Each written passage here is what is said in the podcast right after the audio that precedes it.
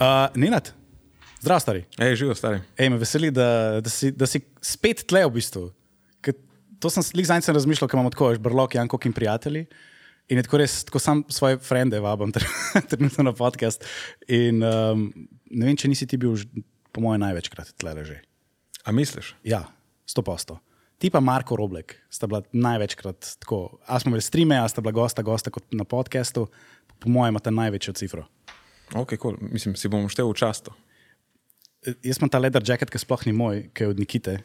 Zato, ker si ti prišel s tem swagalicious, uh, um, kako se ti reče, jopič. Kaj je pravilna beseda za to? Suknič. Suknič, ja, po moje. Taka, ta bordo, rdeča barva, tako uh, regalno, regal, kako se ti reče, kraljevo. Rekli so mi, da mi pristaja taka barva. Uh -huh. Da je to moja barva.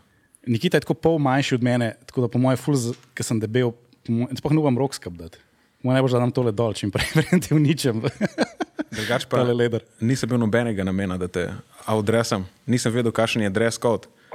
Pa sem razmišljal, da je mogoče malo boljše priti uh, lepše oblečen kot slabše oblečen. Ne, vedno je, bil, vedno je boljše, če si overdressed, kot underdressed. Uh -huh. Ampak ne vem, jaz, veš, tle tako, po domačino. No, torej ne boš imel čakati. Ne, sem moral doldati, ker mi, mi je bilo že takoj vroče. Pa ful je ozek. Pač Nikita ima tako 60 kg, po moje. Kg imaš? 62. 62, evo že, ko sem bil blizu. Se je prej že spraševal po nasvetih za pridobivanje mišične mase. Da, mislim, da smo, ne, smo kar naredili nek napredek. Po mojem bo. Ja, da se tega dotaknemo. Um, mogoče za začetek, za ljudi, ki te še ne poznajo, da sam poveš, mal, kdo si kaj počneš um, in tak bio. Uh -huh. Sej ne vem, če naj se najprej predstavim ali najprej podam en disclaimer. Drugač, naš eh, PR department, department eh, mi je povedal, da zdaj, ki sem že sinonim skoraj z našim podjetjem. Um, in razmišljam, da bi mogoče bilo dobro, da najprej povem, da vsa ta moja mnenja, pa stvari, ki jih bom tukaj povedal, so izključno moja in niso eh, mnenja in stališča podjetja.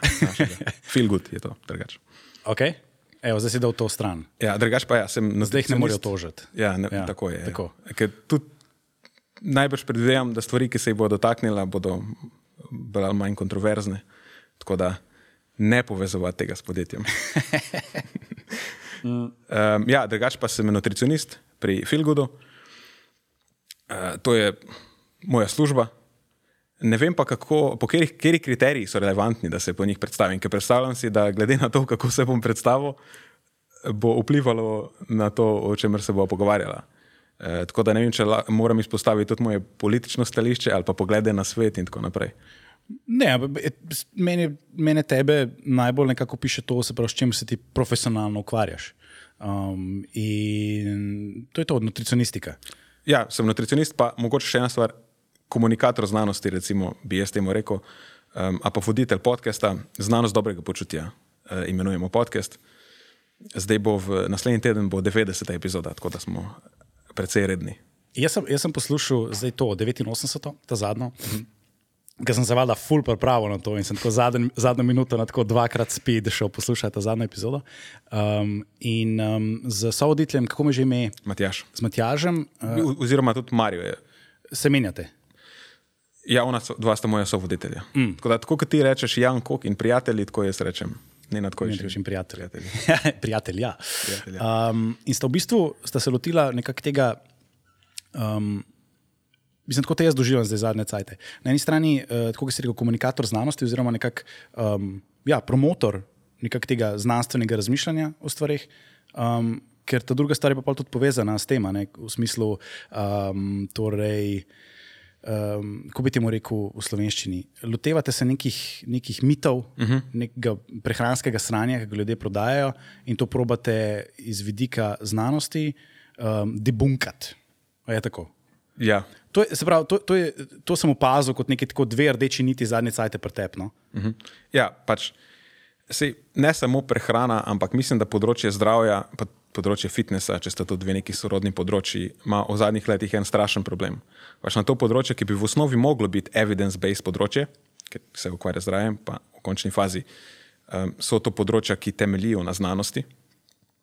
Uh, v to področje je infiltrirala neka ne vem, alternativa in folijene ezoterike in če kup enega druga, drugega, tako se reče, sranja, zaradi katerega so ljudje zmedeni. Pa ne samo, da so zmedeni, kaj jim že v osnovi povzroča neko mero anksioznosti, ampak zaradi tega tudi sprejemajo napačne odločitve. In ker gre za zdravje, so to včasih napačne odločitve, ki imajo lahko katastrofalne posledice. In, in me, to, zdi se mi, da to ne bi smelo se dogajati uh, na teh področjih, tako da mi se probujemo aktivno boriti proti temu na področju zdravja, zdravja in fitnesa. Je pa, se mi zdi, da ima družba na splošno nek tak problem, da jaz sem v osnovi zagovornik evidence-based pristopa k življenju na splošno. Ker se mi zdi, da če na neki racionalni, objektivni osnovi v življenju sprejemaš odločitve, vedno narediš boljše odločitve. Ne? Eh, ampak ja, na področju zdravja, pa prehrane, mislim, da je pa še to bolj očitno. Ker um, nek, jaz, mogoče če gre nekako v zgodovino nazaj, ko sem jih poznala, ne vem, da so oba nekako um, nekak v to sceno prišla uh, skozi skos v bistvu prehrano um, po nekem tem paleo principu, ne, ta ancestral health. Uh -huh. um, in, ampak kamor si pa zdaj prišel, se mi zdi, pa, da, je, um, da si v bistvu nekako čisto opustil to filozofijo. Um,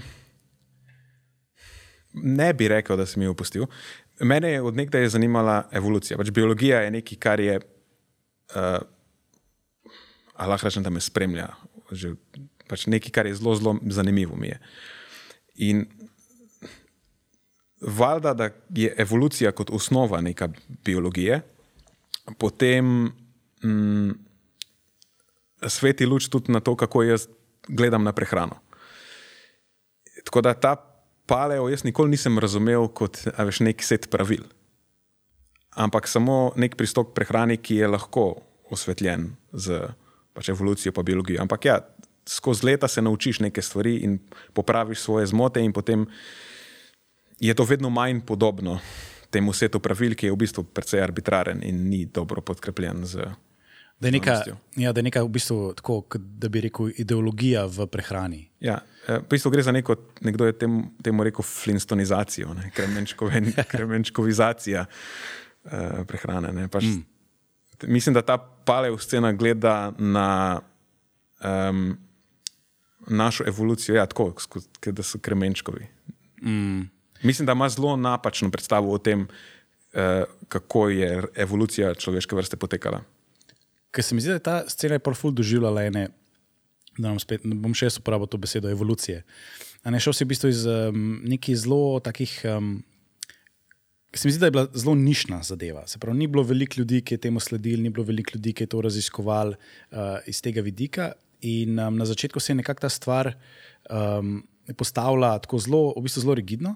Uh mhm. -huh. Potem pa več ljudi, ki je not prehajali, pa je v bistvu tudi kritizirali uh, sceno, se je ta tudi v bistvu um, spremenjala. In jaz vem, recimo, jaz sem veliko stvari tako full za zihar verjel.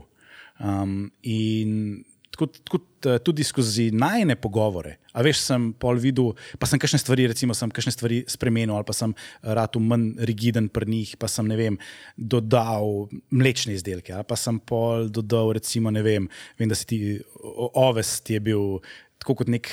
Ko rekel, kot nek mit, ki si se ga lotil, ne se pravi, žitarice gor dol. Uh, žitarice niso dobre za te, zato ker smo jih začeli konzumirati šele, ne vem, deset tisoč let nazaj in ni bilo dovolj časa, da se na njih um, prilagodimo in tako naprej. Uh, ampak si ti v bistvu že zelo hiter v tem najnem druženju začel ta znanstveni vidik, mislim, malo noter, uh, velik, oziroma malo, kar predvsej noter dodajati. Um, in si se lotil nekih teh stvari, ki so bile tako zelo, ko bi ti mu rekel, neke svete krave, in si jih začel pa tudi um, najprej ne tako javno, tako malo med nami, pa pa vedno bolj javno in to, kar tudi danes počneš. In um, to mi je bilo vedno kul cool pri tebi ker vedno, ko so se usedla, pa so se kaj začela pogovarjati, sem rekel: no, fuck, ok. Ena stvar, ki sem jo fulverjel, si je Nenad zdaj vzel 100 ur in jo je raziskal, in zdaj eh, mi je povedal, kaj. Vem, kaj znanost pravi, kaj raziskave pravijo. In tako naprej, no, fuck, res, zdaj bom moral nehati to uh, verjeti, kaj šit. In pa moraš spet nekako uh, svoj, kako bi ti rekel, svoj. Um, Model sveta prilagoditi. Ja, dejansko moraš percepcijo sveta, kot jo vidiš, moraš, uh, moraš korak nazaj stopiti, pa jo, ko bi ste morali, kot jim rečeš, re-evaluate. Še enkrat jo moraš postaviti. In to je tisto, ki, oh, ki je mentalno najtežji. Uh -huh. Drugač pa v vsakem primeru evolucija lahko služi kot nek ukvir. Ne. Mogoče si lahko na ta način lažje predstavljaš, kje stvari bi lahko bile najbolj relevantne, pa s katerimi se je smiselno ukvarjati. Pa dobiš nek približen pogled na to, recimo, da lahko postaviš hipotezo, ampak samo zato, ker je nekaj tekom naše zgodovine bilo to. Eh, normalno, še ne pomeni, da bo najboljše za nas. Uh -huh, uh -huh. Recimo, če ustvarjaš neko ogrado, recimo, to je en primer, ki ga paleoscena, ki je zelo blizu. Če v živalskem vrtu postavljaš ogrado, ne vem, za slona ali kjerkoli drugo žival, jo boš načeloma prilagodil tako, da bo v skladu s tem, kot ta žival živi v, v svojem naravnem okolju. In je nekako sprejeto, da to bo najbrž maksimiziralo njegovo življenjsko dobo. Ampak še zmer ne pomeni, da če mu dodaš še neke druge prilagoditve, ki na podlagi novejših znanstvenih ugotovitev, a pa vem, mu pomagaš z neko uh, sodobno tehnologijo, ki v naravi ni na voljo, da s tem ne boš še podaljšal, recimo, njegove kakovosti življenja, pa tudi trajanja njegovega življenja. Tako da, ja, evolucija, ok, lahko ti služi kot nek okvir, eh, ne more pa dajati konkretnih priporočil. Ne, ker ne veš, kako bo. Lahko je, da je neka stvar v bistvu boljša, sami mi nismo nikoli bili izpostavljeni tekom svoje zgodovine.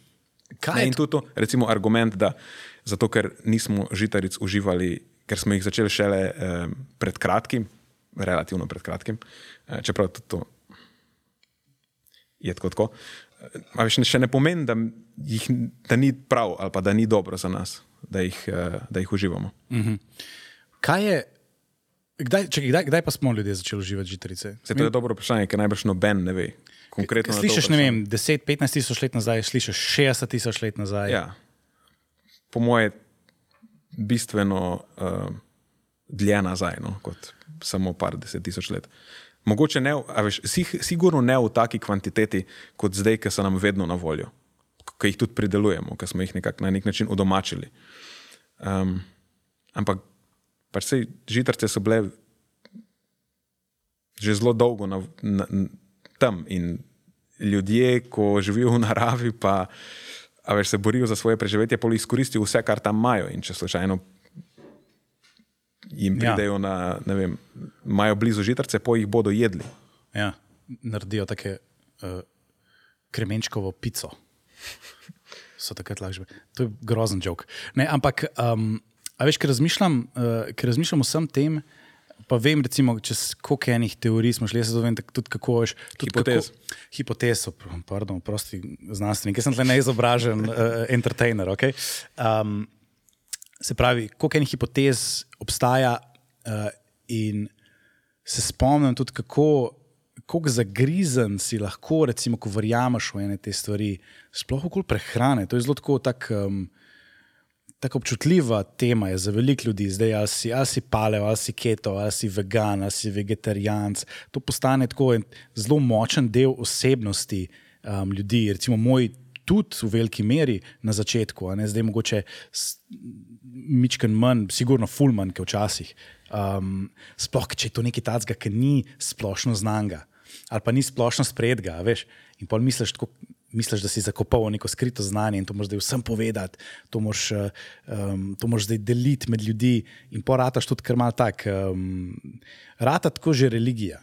Um, in me zanima, kako recimo, veš, kako, kaj danes kaj je danes, um, kaj je danes največja religija, kar se tiče hrane? Hm. Mm. Dos, po, po kje moje... skupine misliš, so najbolj zagrizene? Jaz bi rekel, da so to vegani. Um, pa ne mislim s tem nič slabega. Ampak se mi zdi, da je, recimo, ko je nekdo vegan, to ni samo zato, mislim, ponavadi ni samo zato, ali pa spoh ni zato, da verjame, da je to nek eh, boljši način prehranevanja v smislu, da bo najbolj ugodno vplival na njegovo zdravje in dolgoživost. Ampak je ponavadi so na, na to vezani tudi neki višji cilji. A veš, lahko je nekdo, ne vem, eh, vegan zato, ker so mu pomembne pravice živali. Ali pa je, um, vegan zato, ker misli, da je to bolj učinkovit način uh, pridelovanja hrane. Uh, tako da ob, obstajajo neki razlogi, ki so bližje potem ideologijam, pa nekim vrednotam, ki jih ti ljudje imajo. Tako da se mi zdi, da že zaradi tega. Ker nisem, ker nisem hrana, ki vnašajo v usta, ampak so čustva še zraven, so, ja, ja. so, so druge stvari, ne, ki jih ja. povežejo v bistvu s to hrano. Um, ja, in um, vegani praviš. Ampak ti si imel tudi pred kratkim, si imel nek uh, eksperiment. Nisi imel? Ja, veganuari se temu reče. ja, Veganuari. To je bila zanimiva, zanimiva izkušnja. Veganuar je drugačna neprofitna organizacija, ki uspodbuja ljudi, da za en mesec, pač januarja, v začetku leta, sem poskusil biti vegani.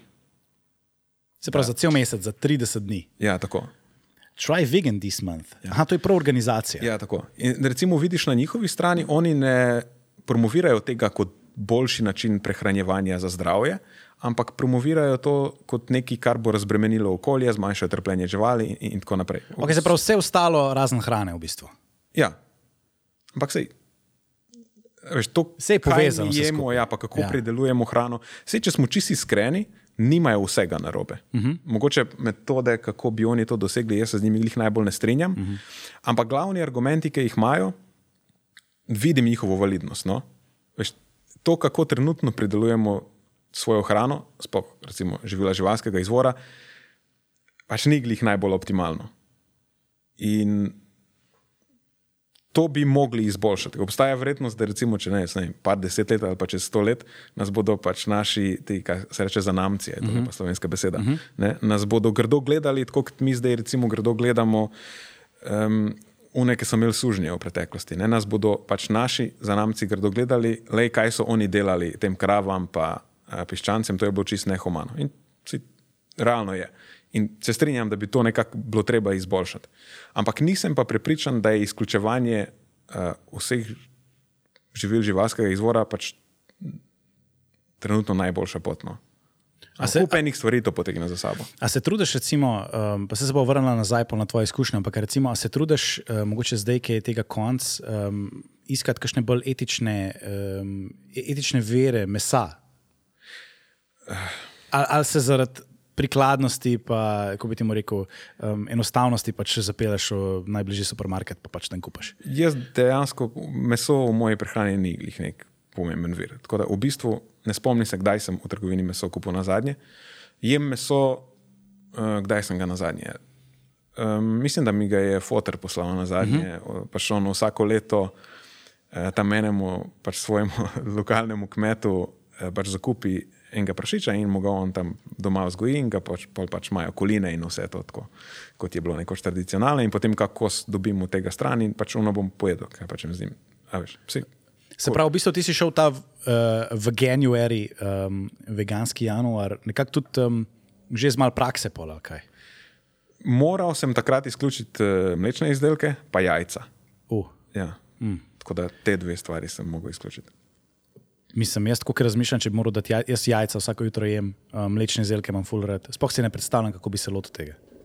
Uh, je zahtevalo kar nekaj prilagoditev. Recimo, mm. mlečni izdelki, pa tudi jajca, če smo čisto iskreni, so tako redno na mojem jedilniku. Uh, včasih se, se šaliva z, z Matjažem, so voditeljem na podkastu, ki oba dva zelo redno konzumirava mlečne izdelke. Ne? Tako primerjava, kakšen odstotek energije pa eh, beljakovin prispevajo mlečni izdelki v najno prehrano, ne? pa so tako visoke številke. Mm. Včasih tako več kot pol potreb po beljakovinah na dan zagotovim iz naslova mlečnih izdelkov. E, tako da sem mogel kar prilagoditi zadeve. Sem se pa pač v večji meri zanašal na razne eh, izolate oziroma izolirane beljakovine iz rastlinskih živil, kot grahove, riževe, eh, konopljine. Tako da Ja, Takrat je bil to recimo, moj glavni vir beljakovin. In kako je, bilo, recimo, kako je bila izkušnja, ki si ta cel mesec uh, dol čez? Kaj, kaj ti je bilo najtežje? Mm, veš, kaj mi je bilo najtežje? Najtežje mi je bilo ostati konsistenten, pa v skladu s, s temi uh, pravili. Ni mi bilo tako težko, da ne bi bila hrana okusna. Hrana si lahko narediš okusno. Ne, recimo, to je en mit, da veganska prehrana ni okusna. Pač lahko je okusna. Okay. Sej, če ješ tofu, ki to pravijo, da je, ne, to je nek arhetip živila, ki je ni okusno. Pač to ni res. Ne. isto tako tofu ni okusen, kot ni okusno meso, če ga ne znaš pripraviti. Tako da mislim, da ta argument, da uh, veganska prehrana ni okusna, to je mogoče validen argument za unike, ki ne znajo kuhati. Uh, ampak bolj sem imel težave z nekimi, ne bom rekel neumnimi, ampak tako res arbitrarnimi prepovedi, doskrat. In to iz tega izhaja tudi edina napaka, pa kdaj sem šel, uh, kdaj sem failil na, tem, na tej uh, prehrani, oziroma kdaj sem failil, mm -hmm. failil ta pravila. Nekoč sem po nesreči pojedel niti ne med, ampak samo uh, čebelji vosek. To je že čebela izkoriščena. Ja, ampak je izkori, ja, izkoriščeno. izkoriščeno ja, no, ja, če te zanima, kako se je to zgodilo, recimo jaz moram gumi bombone. gumi bomboni so prvi energije. Ampak no, obstajajo, večinoma gumi bomboni so pač želatine, v njih in jih tako, uh mhm. -huh. tako ne smeš na veganski prehrani. No, obstajajo pa gumi bomboni, ki so za, pač prilagojeni za vegane in vegetarijance, in obstaja pa še ena znamka, mislim, da Katjes se ji reče, ki pač dela samo take gumi bombone. To je uno, ne? Katjes, yes, yes, yes. A, ni ta reklama bila. A, A se jaz prosim. Si na tekočem, ne? Ja. Ede si ta mikrofon sam bližje obrazu, da se te bo lep slišal. Ok, cool. Tole, ja. No, ampak da nadaljujem. Je pa tako, da eh, ta firma dela bombone, ki so za vegetarijance in za vegane. In na obeh je tista nalepka gor, zelena, pač, ki je zelo podobna, če ni celo ista za vegane in vegetarijance. No, in jaz sem kupil paket, na katerem je bila nalepka za vegetarijance, ne za vegane, ampak nisem bil pozoren, nisem prebral onega spodaj, ki piše. No, jaz sem pojedel pol vrečke teh bombonov, ko sem ugotovil, da je za vegetarijance. In mi je bilo tako. Okay, zakaj tukaj piše za vegetarijance, ne? ker očitno pol ni za vegane. In tako grem brati seznam sestavin, okay, vse je v skladu, vse je v skladu in pol čist na koncu čebelji osek. Eh. In zdaj si moral še enkrat, si moral še enkrat od začetka iti. ja, pa, pač ne. Nehal sem, nehal sem to jesti. Nehal sem jeti, ampak zakaj, uh, zakaj razlagam to? Je, je to zakaj ne smemo jesti meda? Veš, kaj je zdaj argument? Kaj je logika? Ja, ja. Kaj je zdaj logika tukaj? Ne? Na kak način si? Načeloma pač čebele itak proizvajajo ta med. Mm. In na nek način tudi uh, čebelarstvo je potrebno, če ti hočeš proizvajati hrano rastlinskega izvora. Tako, mm -hmm. Itak moraš imeti čebele. Mm -hmm. zdaj, v čem je uh, zlo, da vzameš čebelam ta med stran? Sicer je potem argument, ja, da jih uh, ukradeš, sadov njihovega dela. To je že tako malo marksistična politika, ki nekako eh, noter uh, počasi seva v. v ja, v pa prehrano, da, da, da, ful, da ful teh čebel uh, recimo umre, mm. um, itd. itd. Sam je to tako zelo sivo področje. No, oni recimo ne poznajo te sevine. Sam med slab, In tukaj, in to je to. Tukaj končajo. Ne? Ampak obstaja kupenih čebelarjev, ki svojimi čebelami delajo zelo dobro, zelo dobro skrbijo za njih. Sploh v Sloveniji, kjer je kultura čebelarstva tako zelo razvita, je veliko čebelja, čebelarjev, ki med proizvajajo na, na način, ki bi jaz rekel, da je precej dober za čebele, lepo skrbijo za njih. Ja, res, da tisti, recimo, med bolj industrijske proizvodnje, da je tam spet mogoče en kup problemov, ki se s temi čebelami grdo ravna. Ampak pri nas recimo, ni tako. Ne? In mogoče bi lahko najdel nek med, kjer je to trpljenje minimizirano in bi ga lahko užival. Ne? Zakaj reči, ker ne smeš medu jesti in, in zaključiti tukaj? Ker potem zelo, če narediš tako zelo, težko uh, ostaneš konsistenten. Kaj, a bom potem tudi nehal avto voziti? Ker ko se peleš z avtom po cesti, kupen ga mrčesa pobiješ. Ne, nisi rabo tega narediti. In če izključiš ves med, mislim, da je pol izključiti tudi vožnje z avtom ker tudi ni nujno, se lahko greš peš. Jaz, jaz res mislim, da je veliko tega, velik, to je kar taka hobotnica. Je. To veganstvo je zelo povezano recimo, tudi z nekimi določenimi političnimi ideologijami.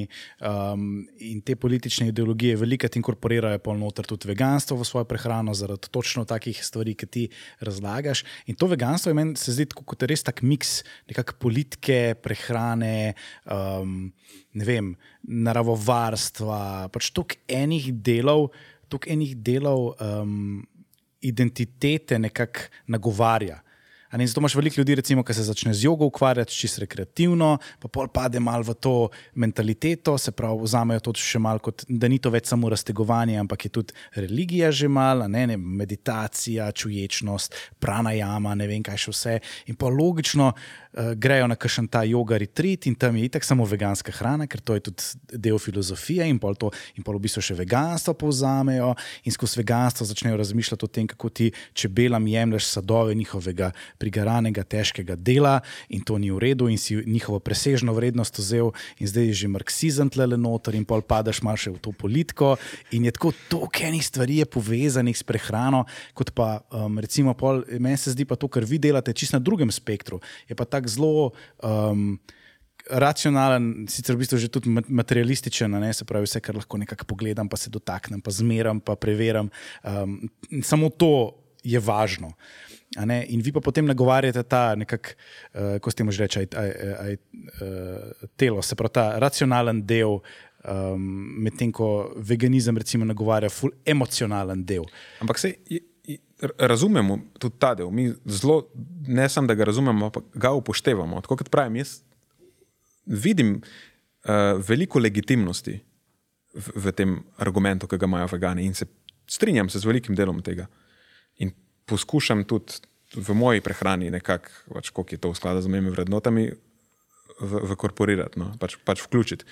In jaz razumem, da ljudje imajo različne poglede in da se del tega odseva tudi na njihovi prehrani in valjda v na, na pristopu, ki ga mi imamo uh, do svojih varovancev, je to vedno upoštevano. Ker ti ne moreš nekomu za najbolj primerne prehrane uh, načrtovati, če ne upoštevaš tudi tega en tak, mislim, mogoče banalen primer, ampak uh, recimo, v preteklosti delal sem za eno varovanko, ki je pač slediti Hare Krišna, mm. uh, vera. Ne? Ja, mislim, okay. da je vera. No, pri njih recimo, ne smeš jesti uh, rib. Pa živalskega izvora, razen mleko, lahko. Uh mhm. -huh. In tako pač neke specifične omejitve so, ne spomnim se več točno. Veš, jaz, kakorkoli bom jaz nekaj probo približati, kako pomembne so omega-3 maščobne kisline iz uh, recimo, uh, rib, pa uh mhm. -huh. morskih sadežev, ona uh mhm. -huh. tega ne more jesti, uh mhm. -huh. oziroma pač ne bo, ker ne bo v skladu s tem, kako ona ja. živi. Ne? In je pač treba najti neke druge alternativne. Uh, Vire. Je te prišla zaradi kakšnih zdravstvenih težav, zaradi česa je to mogoče tudi posledica te prehrane, že tako ali tako, pa sta pa to morala zrihtati? Ja, imela je neke specifične stvari, ki so, ki, za katere je predvidevala, da bi lahko bile vezane na pomanjkljivo prehrano. Tudi imela je občutek, da veš, ni tako, da če izključiš večino eh, skupin živil, ki so v sodobnem svetu glavni viri hranil, da potem ne moreš odpraviti vseh potencijalnih nevarnosti, tako da pojej več leče. Da to je mhm. recimo nekaj, kar so ji posvetovali. Da je potrebno obrati nek bolj smiseln pristop, ki pa specifično poskrbi. Eh, za vsa ta hranila, ki bi lahko bila problematična, ko ti izključiš veliko skupin živeli iz prehrane. Mm. To, to se doskrat zgodi. Težavnost na stopnje prehrane ne narašča linearno s tem, ko izključuješ skupine živil. Ja, pa, ja. Tako, izključi, izključiš eno, recimo, odloči se ne jesti mlečnih izdelkov, ne, pa že to je lahko. Že sam to je lahko problematično, če ne paziš, recimo, na vnos kalcija. Ampak, ko vključiš še eno, pa še eno, pa še eno, veš, pol tako zelo mm, težavnost na stopnje ja. prehrane je tako. Mm -hmm. Ta krivulja pa zelo strmo narašča. Je to vem, ker recimo, ki imaš ta, ne, aj, ko se že imenuje, to boš ti vedel. Um, za ljudi, ki imajo ta grd ali kako je že, vse, kar lahko je, v bistvu je kuhano meso, pa juha iz tega mesa.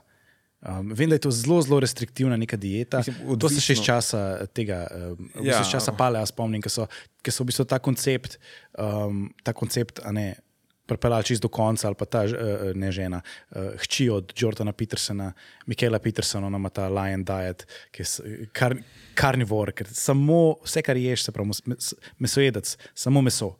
Um, in jaz, jaz si, osebno, jaz si ne predstavljam živeti samo na meso. Jaz sem najbližje temu, kar sem bil. Sem bil si ne bi se rabo dolgo. Mesec, dva na ketu in je bilo tako, no, dovolj, ne morem več tega delati ne morem toliko mesa, ne morem toliko maščob pojesti, jaz rabim cukor, jaz rabim hidrate. Zelo slabo sem se počutil tudi. Um, po mojem, jaz sem se po mojem na robe lotil, pa ni bilo vse porihtano, kot je bilo. Se ne moreš prav lotiti. Tako, oh, fucking, če se moram toliko matrati, zakaj? Mislim, čemu? Zase, zdaj kažem to. Jaz vem, da imam par kolegov, ki to delajo skozi in jim je to fajn, ampak oh, no way za me, ni šans. Ja, mislim, se pravim, ni, ni razloga, zakaj bi se kdorkoli tega lotil. Kako to misliš, ni, ni razloga? Kaj, kaj, kaj ni razloga pa... za keto, to hočeš reči? Ja, zakaj bi, se, zakaj bi zdrav posameznik se recimo omejil do te mere, da bi se šel keto, ali pa še huje, ne? zakaj bi se šel karnivor prehrane? Ja, dobro, če, če je zdrav. Veliko velik argumentov tle je čist terapevtskih. Um, eni pa pravijo, verjetno tudi zaradi kaj, izguba, izguba teže, boljše razmišljanje, um, manj, manj te megle v glavi, ne se pravi od, od hidratov. Ja, to so zdaj na področju alternative. Drugač, mislim, terapevtskih kakšnih. Ne? Ja. Zdaj, ajde, ketogena prehrana ima sicer res tudi. Uh, je lahko uporabljena v terapevtske namene, ampak so to zelo, zelo ob, obrobni scenariji, kdaj se to dejansko uporablja. Uh, izguba telesne mase ni nič bolj učinkovita kot s katerim koli drugim pristopom. Uh, kaj si še omenil kot potencijalni razlog? Uh, koncentracija. Recimo, eni ljudje pravijo, da grejo na keto, potem fulaži razmišljajo, fulbol čisto razmišljajo, nimajo um, teh, um, bi, teh nihanj v energiji, ki vpliva potem tudi na njihovo razmišljanje. Ja, po mojem je tudi tukaj v primerjavi s čim. V primerjavi z neko standardno dieto, ja, predvidevam. Ja, če imaš prej, recimo, za nič prehrano, pa recimo ješ prevelike obroke, zaradi katerih si pol. Uh, zaspan, recimo, temu se tehnično reče eh, postprandijalna somnolenca, kar je zapleteni izraz za to, da si zaspan po obroku. Ne? Načeloma to se zgodi, če ful preveč hrane poješ. In pač takrat se malo izklopiš, vse logično je, to je tudi čist ah, evolucijski mehanizem. Pač ti si zdaj za, da, za dan si svojo nalogo upravil, na hrano si se in zdaj več ne rabiš več delati, lahko greš spat. Mm. Um, zdaj, če ja, primerjaš uh, stanje, v katerem si v bistvu skozi lačen, ker telesu skozi nekaj manjka uh, valjda te potem, se to je ful karikirano rečeno, ampak telo te vzpodbuja, da si buden. Ampak um, veš, na, na dolgi rok ne vem, če se ti to splača. Če, če to koristi od tega, recimo. Mislim, od tega ni nič koristi. Zdaj, če, če ti to pomaga delati, mogoče, ampak po moje obstaja ful več boljših načinov, da, da nisi zaspan po obroku. Če lahko že začneš s tem, da imaš sam, kaj pa če imaš malo manjše obroke ali pa če prehrano nekako drugače prilagodiš, da je bolj primerna. E, kaj pa recimo ti ekstremni športniki, velikih je na, na ketu in potem v bistvu uh, frontloadajo hidrate pred, uh, pred recimo tekmami. Uh, takrat, ko tekmujejo, ne, v bistvu, da, da to senzitivnost, ne vem, na, na, kako bi ti rekel, zdaj bo. Ne, ne se mi smejati, ok? Probam tle s svojimi poprečnimi možgani. Okay. Najprej rekel si, da jih je veliko. Dobro. Dosti jih je, imamo tudi nekaj v Sloveniji, um, najem prijatelj oziroma znanc uh, Klemen, uh, Robnik, uh, tudi, um, tudi tako trenira, oziroma je, ne vem če še. Dolgo ga nisem še v bistvu sprašoval. No, to bi bilo dobro preveriti, če je še smer. Um, ampak jaz vem, da recimo njegov, njegov um, princip pri uh, triatlonu, uh, ker on je triatlet, uh, je, je bil tako, da je treniral kot um, se pravi, treniral je na neki ketogeni dieti, potem pa pred tekmovanji uh, je pa začel uvajati hidrate. Uh, in kot sem jaz razumel to tehniko, je s tem um, poskrbel za veliko boljši izkoristek in na koncu tudi boljši output pri uh, samem tekmovanju. No, mislim, to je lahko domneva, ampak veš, tega ne moreš preveriti, on je pač eden. Ne, ne, ne govorim za to, da, da to univerzalno ja, drži. Se... Jaz pravim, da, to, da je on se tega tako loteval, eh, verjetno zato, ker mu je tudi uh, koristilo. Ja, ampak vprašanje je, če mu je. Ne moreš hmm. vedeti, če mu je. To je pač domneva. Kaj pa po nekih svojih eksperimentih? Verjetno si to, to, tokrat probo, pa si probo potem kaj drugega. Kot so tudi mi dva eksperimentirala veliko. Ja, ampak eksperimentirati na sebi je tako zelo nehvaležno. Ne moreš ničesar sklepati ne? pač na sebi. Ljudje smo tako zelo eh, bajast, kako je pač pristranski smo. Sam prehrana je pristranska, prehrana je zelo individualizirana. Težko potegneš kakršno koli črto, kjerkoli. Zato pa imamo raziskave. Jaz sem raziskave še vedno delajo na nekem, na nekem povprečju, kaj je za večino ljudi večino časa dobro. Ja, ampak imaš tudi individualne podatke, pa tudi lahko razporediš ljudi v različne skupine, ne? primeraš različne skupine med sabo. E, drugač pa, ko pa to naredimo, potem pa dejansko ni nobenih, ne pokažejo se nobene prednosti takega pristopa. Mm. Za profesionalne športnike. Se pravi, to, to je trditev, to, to lahko rečeš ja, to na je, podlagi znanosti. Ja, to je zdaj že precej jasno. Mm. Mm. Veš, da je v bistvu celo obratno, je, no? da ti neki low-carb pristopi v tekmovalnem športu dajo suboptimalne rezultate. Zanimivo. Zanimivo, ker, ker vsaj jaz sem verjel, da, da tle noter obstaja nek, nek prostor, a veš, kjer se lahko igraš. Ob- Obstaja prostor. Um, Sam to, to, to, to, recimo, ampak to, Ne, ampak sem, da, posi, ja. da ne bo kdo slučajno prehitro pograbil tega.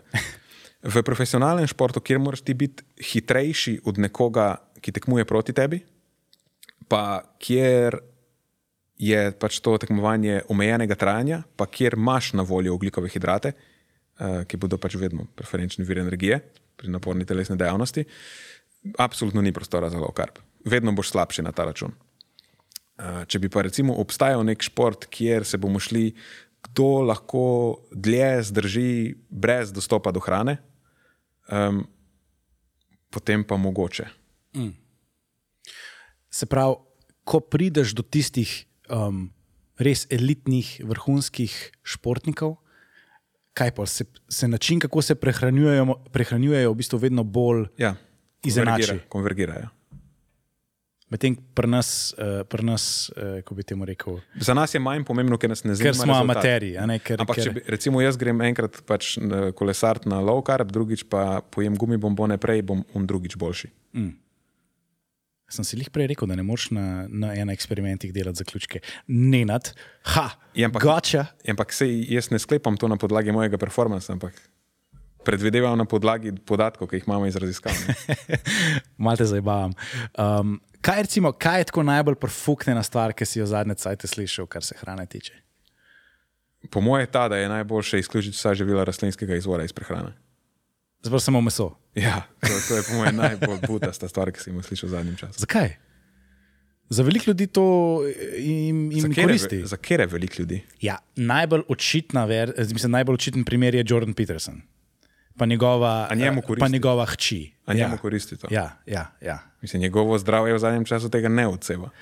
Dobro, ampak to je zaradi benza, to čist druga Ja, lej, mislim. Ampak tu nimaš podatkov. a Veš, Ne, ampak ajde, moreš recimo, reči- vzameš ne njegovo- reči, da, da mu koristi. Mislim, zdaj trenutno je v slabšem stanju, kot je bil predtem.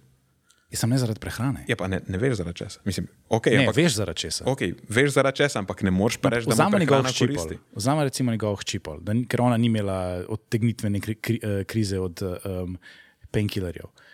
Um, ona, mislim, da ne, ne bom zdaj verjetno čisto prav povedal, ampak jaz vem, da ima ona uh, ali ima coke ali ima pa gležen. Ja, gležen. gležen. Ona je drugač takšen outlier. Itak. Ona je, po moje, ena na milijardo. No, pa poveva, kaj ima. Ona ima gležen v bistvu z, spojen. Uh, nima mobilnega, zato ker je imela tako močen artritis. Tako je. Vem, da je imela tudi grozno depresijo. Um, Ona ima nek, ne vem kako ste reči, juvenile onset artritis, ne vem, sploh nimam pojma, ampak že je tako uh, neko hudo avtoimuno stanje, ima, zaradi katerega že od, od otroštva v bistvu razpada. Pa jaz se spomnim, tudi prej sem omenil ta, uh, tisto dieto še iz, iz tistih paleo časov, jaz um, čist iz, kli, iz kliničnih um, pričevanj določenih teh nutricionistov, ki so jih takrat spremljala. Mislim, da je bil um, Matthew Lalonde takrat uh, mi to razlagal, da je imel v svoji kliniki eno gospodično, ki se ni smela dotakniti hrane rastlinskega izvora, drugače ne vem, vse, kakšne vse v bistvu, zdravstvene posledice je imela. Ne. In je morala v bistvu praktično kuhati si eh, meso in piti tisto vodo kot juho, oziroma je lahko noter tudi kakšne eh, gomolje vrgla. Um, pa, čeprav mislim, da še tega ni smela. Mislim, da je bila res nek, neka ekstremna, ekstremna, ekstremna um, dieta, je morala biti, kjer sta izključila čisto vse strani in sta v bistvu samo meso jedla. In je bilo tudi, recimo, dobro za njo. Vem, da je to ekstremen Ja, primer. to, to so po mojem, veš, tako je. Ja. To Ampak neki... ne moreš reči, da je, da, je, da je pa recimo to. To so neki outlierji, ki so tako res eden na neko veliko številko. Veš, ampak tudi težko je reči, da je zdaj. Kaj točno jim je? mogoče ji ni pomagalo, da je ona izključila vsa živila rastlinskega izvora. Kaj pa je zdaj? Mogoče je res v prehrani neka stvar, ki jo je prej uživala redno, ki ji pač poslabša simptome te njene bolezni. A veš, če bi ona točno vedela, kaj pa bi izključila samo tisto, bi mogoče rešila to stvar na enak način, pa bi bila njena prehrana manj restriktivna. Ampak jaz pa razumem, da mi tudi marsikaj še ne vemo in da ona mogoče nikoli ne bi mogla priti do tega odgovora, sploh z znanjem, ki ga trenutno imamo v, v prehrani. In je pač izključila vse, zdaj je samo meso in je to in trpi zaradi tega manj simptomov. Mm. Sam še zmer, ne, na, povprečen posameznik si s tem ne more čisto nič pomagati. Razumem, Ona ti gledaš, to, ti gledaš to, kako se neke te, neke te eksperimenti potem, ker ljudje slišijo take stvari. Veš, jaz recimo v praksi ne, ne, ne, ne, ne bi mogel prešteti ljudi, uh, s kolikimi smo delali, pač stotine so v glavnem. Nisem imel nikoli še kakega takega primera, da bi bil tak ekstremen primer. Si si lahko majk potegneš Niti- malo nazaj, veš, če, ti, če se Aha, rad okej. nazaj nasloniš. Ja. Ja. Samo Ni- niti- ni razlike. Veš, niti približno, niti približno česa takega nisem videl še. Ja. In tudi, Sej- če greš pogledat znanstveno literaturo, je to nekaj, česar praktično ne najdeš. Tako da to so res pač samo neki ekstremni outlieri. Je pa seveda problem, če so ti ekstremni outlieri potem zelo outspoken, ker dobiš lažen občutek, da je to nekaj, kar je zelo pogosto se dogaja. Pač ti zdaj vsak teden njen podcast poslušaš, ona vsak teden o tem govori in ti misliš, da je to nekaj, kar je normalno.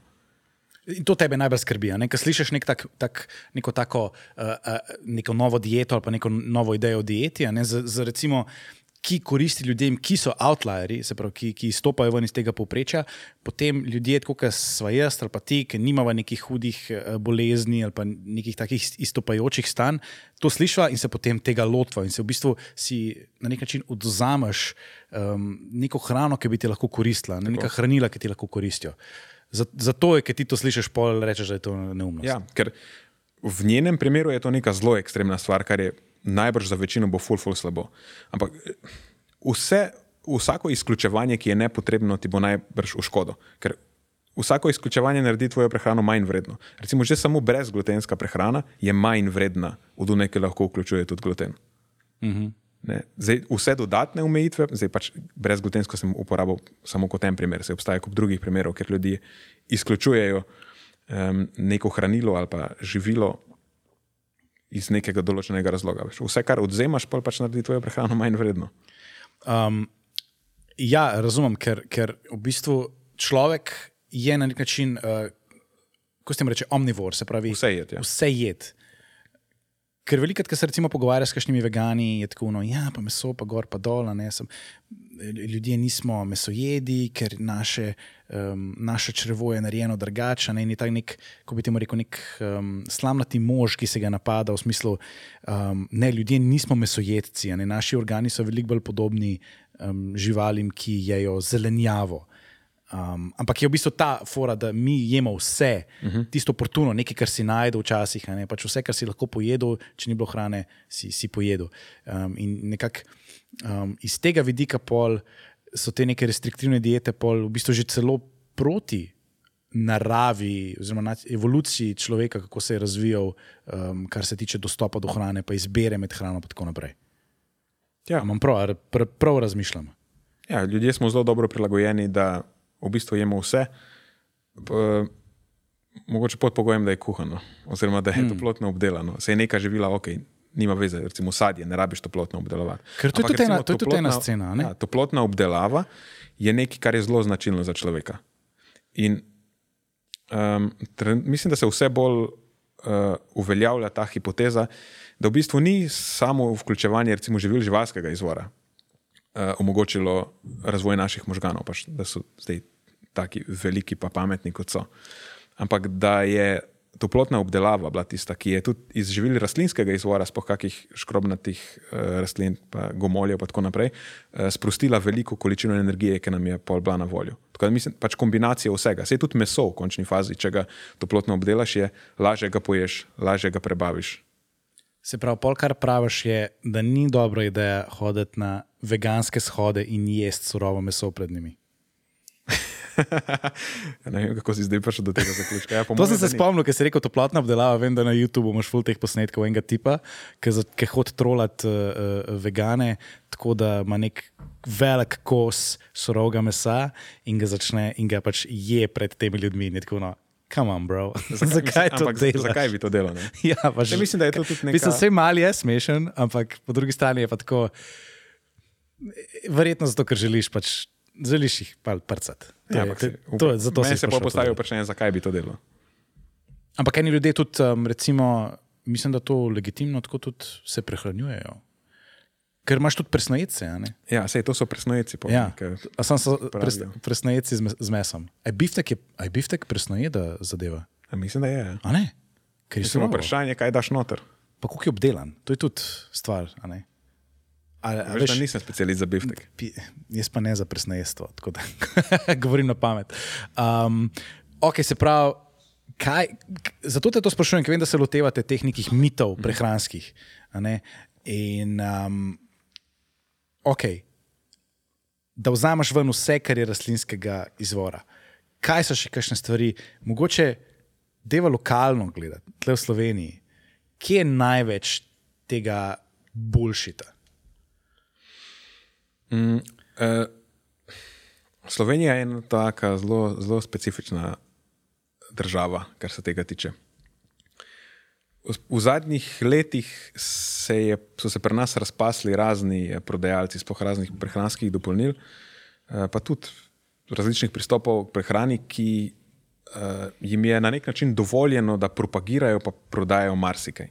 V tujini, kljub temu, da te stvari mogoče niso tako regulirane uradno, ampak se najdejo posamezniki, ki izpostavljajo ta boljšit. Nek, Nekako je vsaj nek uh, neformalno se te stvari čekira. Ne, pri nas pač ni fajn, da rečeš, da je karkoli z drugimi ljudmi narobe, in tako ni fajn, da kakorkoli. Kulturno smo posebni na ta način, da ne, ne smeš izstopati tako. ne.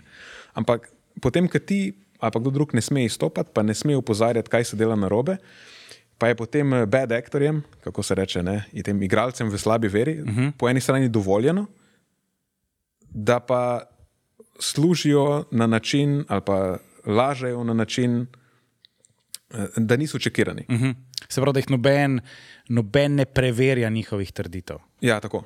Ker jaz to vem, recimo tudi ti doskrat na svojem profilu, zato mi je fajn te spremljati, um, deliš te neumnosti, pa deliš te posnetke, pa ljudi, ki res govorijo, govorijo neumnosti, in pol v bistvu po tem posnetku razložiš, zakaj, kaj je narobe, um, kje se motijo, kaj je ta boljši. Pa to delaš že zelo dolgo časa.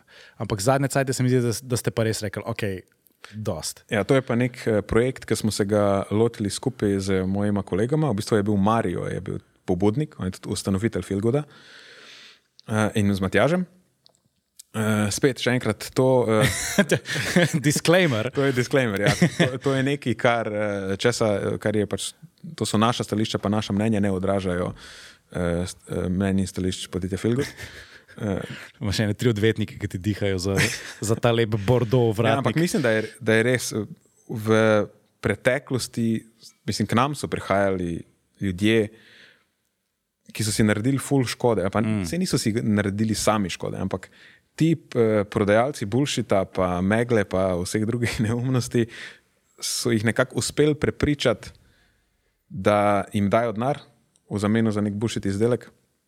Uh, doskrat so recimo tudi zavračali neke uveljavljene metode pravega zdravljenja za te mm -hmm. alternative, alternativne.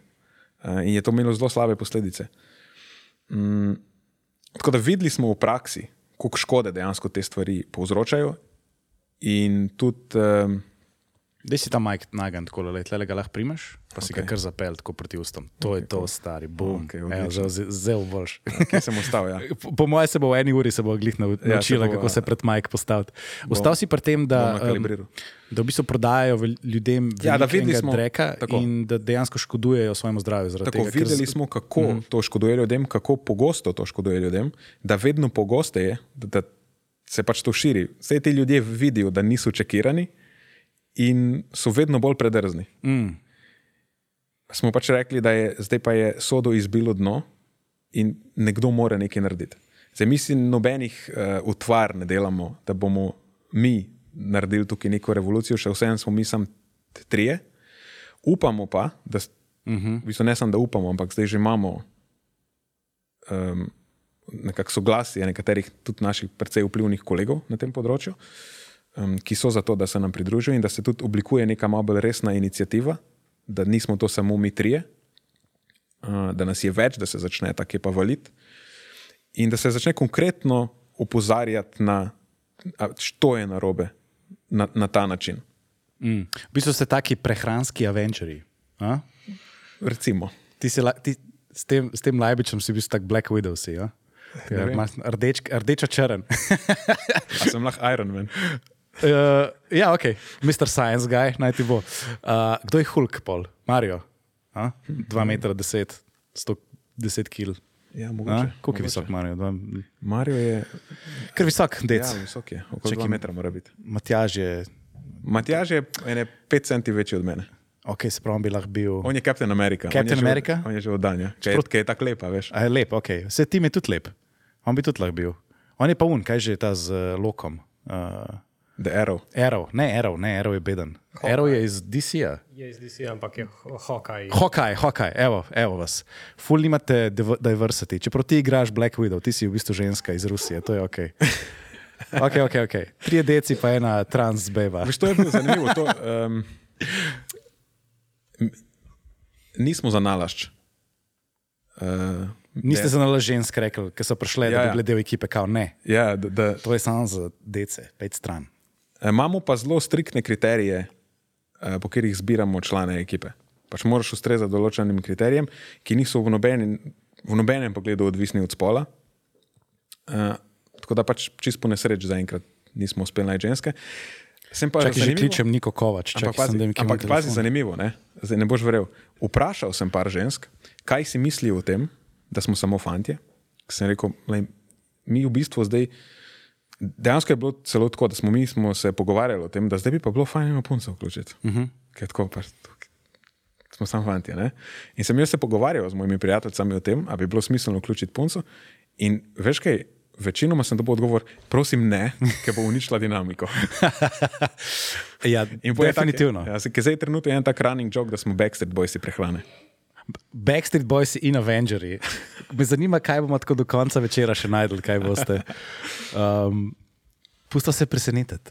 Um, ok, se pravi, to se mi zdi kul, cool, da se tega lotevate, ker jaz sem recimo, ne vem, tudi moj dedi je kupoval tukaj sranja teh nekih prehranskih dodatkov, ki so, to so, to je tako prav, kako ste mu reči, tako prav uh, predatori so. prav- Predatori so. ja. In to je najhuje. To je najhuje. Prav iščejo te ranljive skupine Tako. Ljudi in jih vabijo na razna predavanja, in pol jim um, tam razlagajo o hrani in o zdravju, in, in delujejo kvazi legitimni, in potem jim na koncu prodajajo neke prehranske dodatke, neke mešanice v prahu, ki boh ve, kaj sploh je noter, po nekih zres zasoljenih cenah.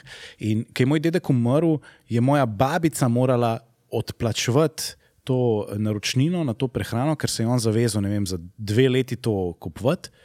In kljub smrti tega ni mogel prekiniti, zato ker so že v pogodbo noter dal, v primeru smrti, um, se pravi, na, naročnika, ker so vedeli, da to prodajajo starim ljudem in da veliko teh ljudi umre med tem, ker v bistvu oni odkupujejo od njih uh, te dodatke. In so pogodbe tako spisane, da se ne moš ven potegniti iz, iz tega. In um, so se v bistvu tudi usedeli na, na, na uh, to. Um, se pravi, ker nekdo umre, dobi, dobijo njegovi, um, uh, ne preživnino, pomagaj mi. Uh, kaj ostane za tabo, ko umreš, in potem gre to v to maso. Skoči, hočeš reči, dediš- stečajno, dediščina, hvala, dediščina. fuck, brain freeze, rabim še kave, imamo še kaj kave tam. Jezus. Um, in eh, je celo odvetnik tja prišel od tega podjetja. To imajo tako, imajo, eh, prav organiziran imajo. Organiziran, organiziran imajo, imajo, ukava, fuck ja. Um, imajo to na nek način, um, kako bi temu rekel. Prav postopke imajo že, vejo, da pač, po, ja, bomo poslali odvetnika, odvetnik bo to povedal, da pač to pa to, kar treba še plačati. Skratka, um, prav predatory practices. Ja, to, in to je tisto, kar je najbolj maligno pri tem. Izkoriščajo ranljive skupine. Doskrat, ali so to stari ljudje, starejši ljudje, ali je pa nekdo, ki mm, je nekako že mu malo zmanjkuje upanja. Recimo, da ima neko stanje, kjer mu pač medicina več ne more pomagati. Uh, pa je v, v, majhna verjetnost, da mu bo lahko pomagala, da bo izid tak, kot si ga on želi. In potem pridejo ti ljudje, dobro vejo, da mu ne morejo pomagati, in mu pač prodajo lažno upanje. In valjda bo v, v tistem stanju se bo človek uprijel vsakega, kakorkoli lažnega upanja, tudi če je ne vem, kakšna majhna verjetnost, da mu bo pomagalo, eh, se bo tega uprijel. In to smo videli v praksi že večkrat. Ko so ljudje, ki so imeli raka, recimo, zmetali ne vem koliko denarja za razne dodatke, pa za neke um, bazične diete, pa za vulkanske praške, pa za ne vem kaj vse ne. A pa, celo, a pa se posluževal nekih uh, čudnih diet, recimo keto dieta, ena taka, ki je zelo popularna. Ne? Ker nisem tako, da zdaj za manj si jemliš veselje v prehrani stran, ker ti itak ne bo pomagalo, ampak lahko celo poslabša tvojo prognozo. Določene, recimo, določene um, vrste raka uh, dejansko bolj napredujejo, če jim oduzameš. Uh, um, Oziroma, če jim dodajes dodatno maščobo, kako že gre. Vem, da, vem, da ne vpliva dobro na vse tipe raka. Mislim, na, načeloma, um, če hočeš izboljšati svojo uh, prognozo, takrat, ko recimo dobiš kemoterapijo, ki te pač zdravijo zaradi raka, rabiš to z nečim, to je intenziven proces, to rabiš z nečim podpreti. Um, tudi doskrat so ti bolniki rakasti v stanju kaheksije, ker pač je zelo izraženo pri njih katabolno stanje, uh -huh. ko pač pospešeno izgubljajo funkcionalno maso. Pač rabiš pojesti za dost beljakovin, za dost energije in za te bolnike je doskrat preferenčno, da pač zbirajo tako bolj predelana živila, da pojejo več cukra, nekak, to so tudi pacijenti, ki nimajo veliko apetita in jih moraš jih nahraniti. Težko jih je nahraniti moraš jih nahraniti. No, ketogena dieta tukaj ima po eni strani tako, doskrat je formulirana tako, da ima uh, nižji vnos beljakovin, lahko tudi zavre dodatno apetit, um, pač ne dodajaš ugljikovih hidratov, ne, ki se jih izogibaš. Tako da je večkrat škodljiva kot koristna. A lahko koga tle izpostavlja, pa rečeva, evo, sramotilni stebr, kdo dela največje neumnosti? Um, A, a, a, je sploh, a je sploh na tak način, ali samo uh, bolj kot ne opažate, recimo samo zavajujoče, tako ne toliko predatorne prakse, ampak bolj sam prodajanje neumnosti, s katerimi potem dejansko ljudje služijo in prodajajo naprej dodatke in tako naprej. Je, je bolj, ni tako maligno, uh, ali obstajajo kakšne prav tako zelo znane, uh, izpostavljene entitete, ki jih lahko rečemo, da te teh ljudi ne poslušati. ja, mislim, en, po mojem, to je arhetip, je on popolna postava. o, o, nenad, nenad. Kad... nenad. Jaz imam en full bone to pick s no, tem prosim. modelom, ker oni imajo na YouTubu reklame, ki trajajo eno uro. Jaz hočem pogledati ne, desetminutni video, odložim telefon, grem nekaj delati, začne se rolati reklama pridem nazaj, reklama se še rola po vem, petih minutah, pogledam gor, eno uro. Eno uro trajajo. Celoten, nek celoten dokumentarc, ki je narejen z nekim šiti stock footageom, vržejo noter uh, uh, uh, kot reklamo. In že samo zato ga dajmo izpostaviti. Bad, ne pa... to delati. Če boš imel reklame daljše od 20 sekund na YouTubu, ne bom iz principa kupoval tvojih izdelkov. Ok, fuck off, hvala. Drugač pa jaz nimam nobenega problema, da se razni izdelki prodajajo. Jaz ljubim kapitalizem, ja, jaz imam rad denar. Jaz tudi. Uh, kapitalizem je super, uh mhm. -huh. podporni steber uh, liberalizma, v bistvu eden izmed njih. Ampak način, na katerega se pol te stvari prodajajo, je pa tukaj odvraten. Ne, trditve, ki so. Uh, Ti moraš še vedno nekako etično, mislim, en, en velik del kapitalizma je tudi, ja, če... je tudi, je tudi pač etična. Uh, etični pristop k temu, kar prodajaš. Če ti nateguješ ljudi, je to prevara, je to, je to goljufija. Pet na infowars.com, pa gremo pa evo tja gledati uh, uh, te dodatke, tam je zihar boljš, boljše stvari so kot lele. Po mojem na Facebooku, če, pos, če poskrolaš feed, boš uh, najdel marsikaj, ker so tam še kakšni pripisi zraven. Se pravi, tle so neki. Ampak a, včasih so res outlandish claims. Um, Stres se odraža tudi na tvoji prebavi. Ok, to je nekaj, kar je. Lahko tudi. Kaj je tacga vidiš? Kaj? Proteinski smudi, ne, jutrni trik za svežo mladostno in napeto kožo. To je zihar. Ja, mislim, to je zihar. Mislim, zihar bo boljši. Če trik, ne, vedno, ko vidiš trik, je že, je že boljši. Ja, že veš, da je boljši. Da bo, da bo boljši. Devet začetniških vaj, ajde, to je v redu. Okay, to so neke recepti. To so pač vaje, recepti. Poglej, kaj alkohol naredi tvojemu testosteronu. Veš, to je še ena stvar. Ta marketing skozi strašenje. Mm. To je še ena stvar, ki je tudi dosti maligna. Ker jim ti zdaj ustvariš nek problem, ok, vse je v redu, ni fajn, da piješ preveč alkohola. Ne? Samo tukaj zdaj zihar je uporabljena taktika, kjer ti eh, prestrašiš nekoga, kako je alkohol full slab, pa mu pa prodaš rešitev. Dej tam Simor, klikni Simor. Tlele, malo višji gor. Tlele, v opisu. Ja, da vidimo, kaj piše. Ne, in spodaj vidiš, da on ima rešitev. Ne? Alkohol je full slab, zdaj kapljica alkohola, itak boš umrl. Dajmo pogledati, kaj je rešitev. Kliknemo na link, nas pele na stran. Veš, padeti na nivo testosterona, uh -huh. to je super za prestrašiti moške. Testosteron ti ne more padati, če imaš že nizkega. Life hack. Um, če delaš za BuzzFeed, po moje, ni tega. A je BuzzFeed imel Saj lahko kar poskrolaš, po moje- po moje lahko So si šli v kar, nešterje modeli meriti eh, čisto testosteron, pa so ga imeli v višini najstnic. A, evo ga, alfa men. Aha, evo, je že, je že um, dodatek. je. In tle nek uh, boosteri, ok, klasičen, uh, ti booster, kar je, kar se jaz spomnim, če pogledaš, bran, recimo, a, tukaj aktivne sestavine, 13, 13 aktivnih sestavin. Tribulus, terestis, ashwagandha. nič od tega ti ne bo samo po sebi Je kaj pa v kombinaciji? boostalo testosterona. Ne, testos- Testosteron Najbolj sploh je ful težko boostati. Ja, najbolj korektno, kar lahko rečem, je, da v vsej tej skupaj kombinaciji ne vem, ker nisem videl še raziskave, ki bi to potrebovala. Ampak a veš, kako je. Ne? Če za neko tako outlandish trditev nimaš dokaza, pojo pač to je, ne, kaj je Hitchens razor, ne? pojo pa sem lahko zanemariš. Mm. A imajo spodaj kakšne raziskave, recimo pri teh svojih zadevah, skrajni od PDF, pet mal gor? Natisni, ne pošli prijatelju na e-mail, ne hvala. Okay.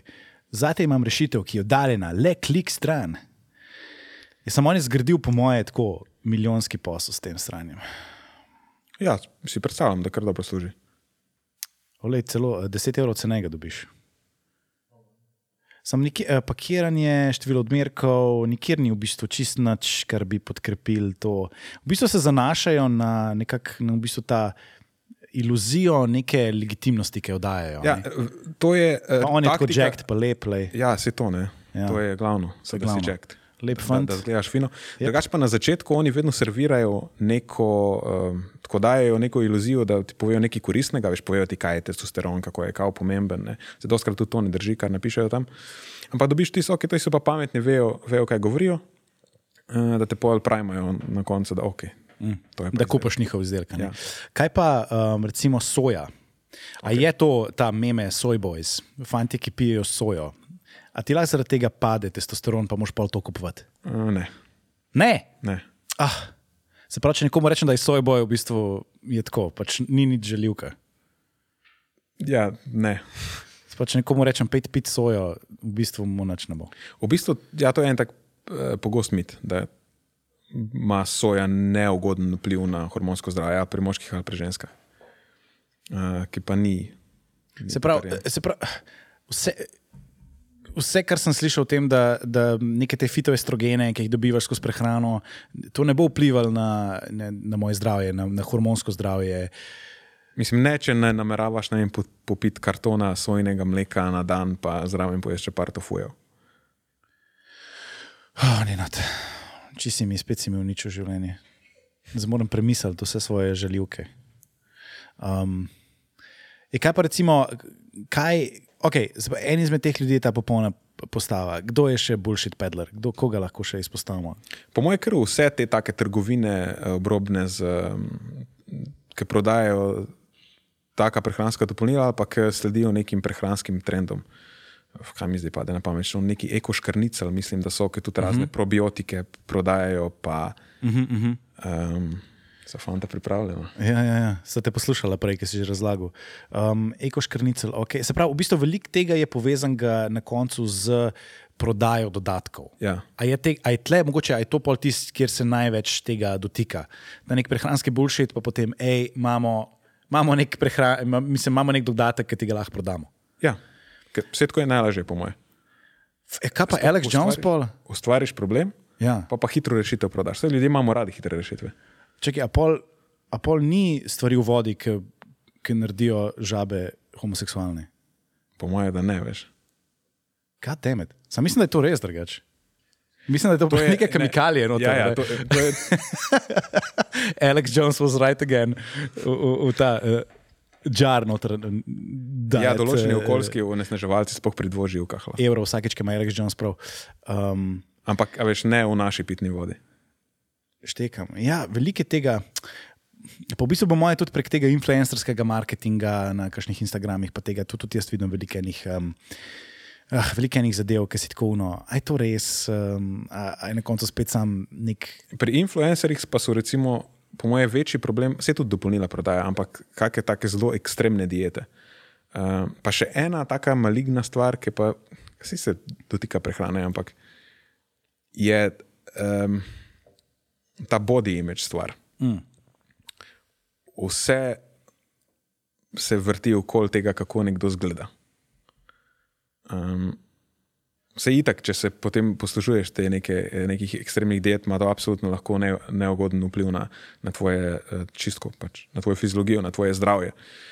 Ampak se mi zdi, da pa je mogoče še bolj problematičen ta psihološki vpliv, sploh na odraščajoče posameznike, sploh punce, recimo, so izpostavljene temu, ne, se primerjajo z njimi. Um, mislim, da je to v zadnjem eh, času tudi precejšen problem. Verjetno veliko tudi tle ima tudi genetika, s čim si se rodil. Ja.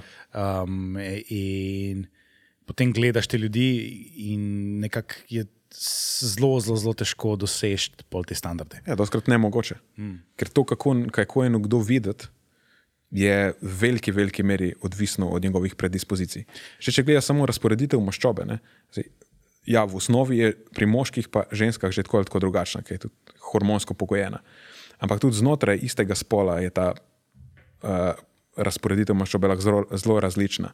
Ne, zdaj, če se recimo bi jaz bil punca, pa bi se mi pretežno maščoba nabirala pač okrog zadnjice, pa nič okrog trebuha. Ne, mm. To je tako, on starter kit za kako biti influencer, ki postaneš. Mm, mm. Zdaj rabim samo še ene dobre pajkice, pa je to to. Oh, je, baby. Ker itak pač vedno imam, a veš, ono plosek trebuh, pa veš, tako nič maščobe na trebuhu, pa spajkicami, veliko rata, ne. Pa spnemo, no, in mm. je to super.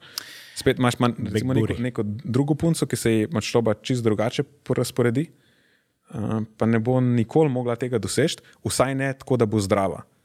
Uh, mogoče lahko na neki zelo ekstremni restriktivni dieti, kjer pač shujša do tako, samo še unih esencialnih depojev maščobe, ampak tukaj pa imamo drug problem, um, ker si lahko na ta račun predela kupenih problemov. Tako hematoloških, imunoloških, fizioloških, motnje mm. hranjenja.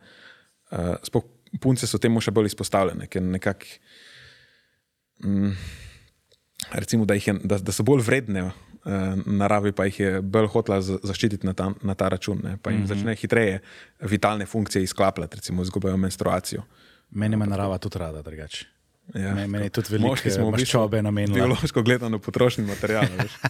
Če smem sem tukaj nekaj pripomniti. Uh, there's a saying, oziroma nek pregovor, da od ženske telo je njena valuta, če lahko temu tako rečemo. Ja, pa smo moški smo v končni fazi, tako kot se reče, potrošna roba. Potrošen material. eh, um, disposable. Ja, si. Um, in M- Moški smo nek, tudi nek vir uh, uh, variacije. Ne? Moški bolj se mi zdi variiramo. Uh, in je, recimo, da imaš več outlierjev na obeh straneh. Uh -huh. In pol imajo ženske luksus, da, da zbirajo une boljše, une slabše, oni slabši se pa zavržejo. Ne? Jaz se po teh Hockey Cupid eh, podatkih mislim, da pa ne, ne vem, kje sem poslušal tudi.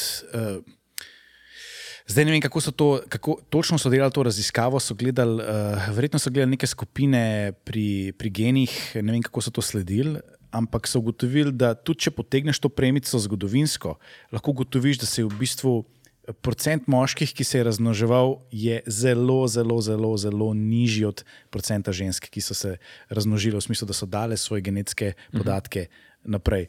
In, um, Zato, kot si rekel, narava zaščiti ženske mičken bolj in to počne tudi skot, skozi verjetno procent maščobe. tako- In, in, in tudi, če ženske potem pretiravajo, um, ne, se jim tudi pozna na, na zdravstvenem vidiku Ja, in telo začne sporočati, hej, mogoče, mogoče to ni dobro za te. Ja.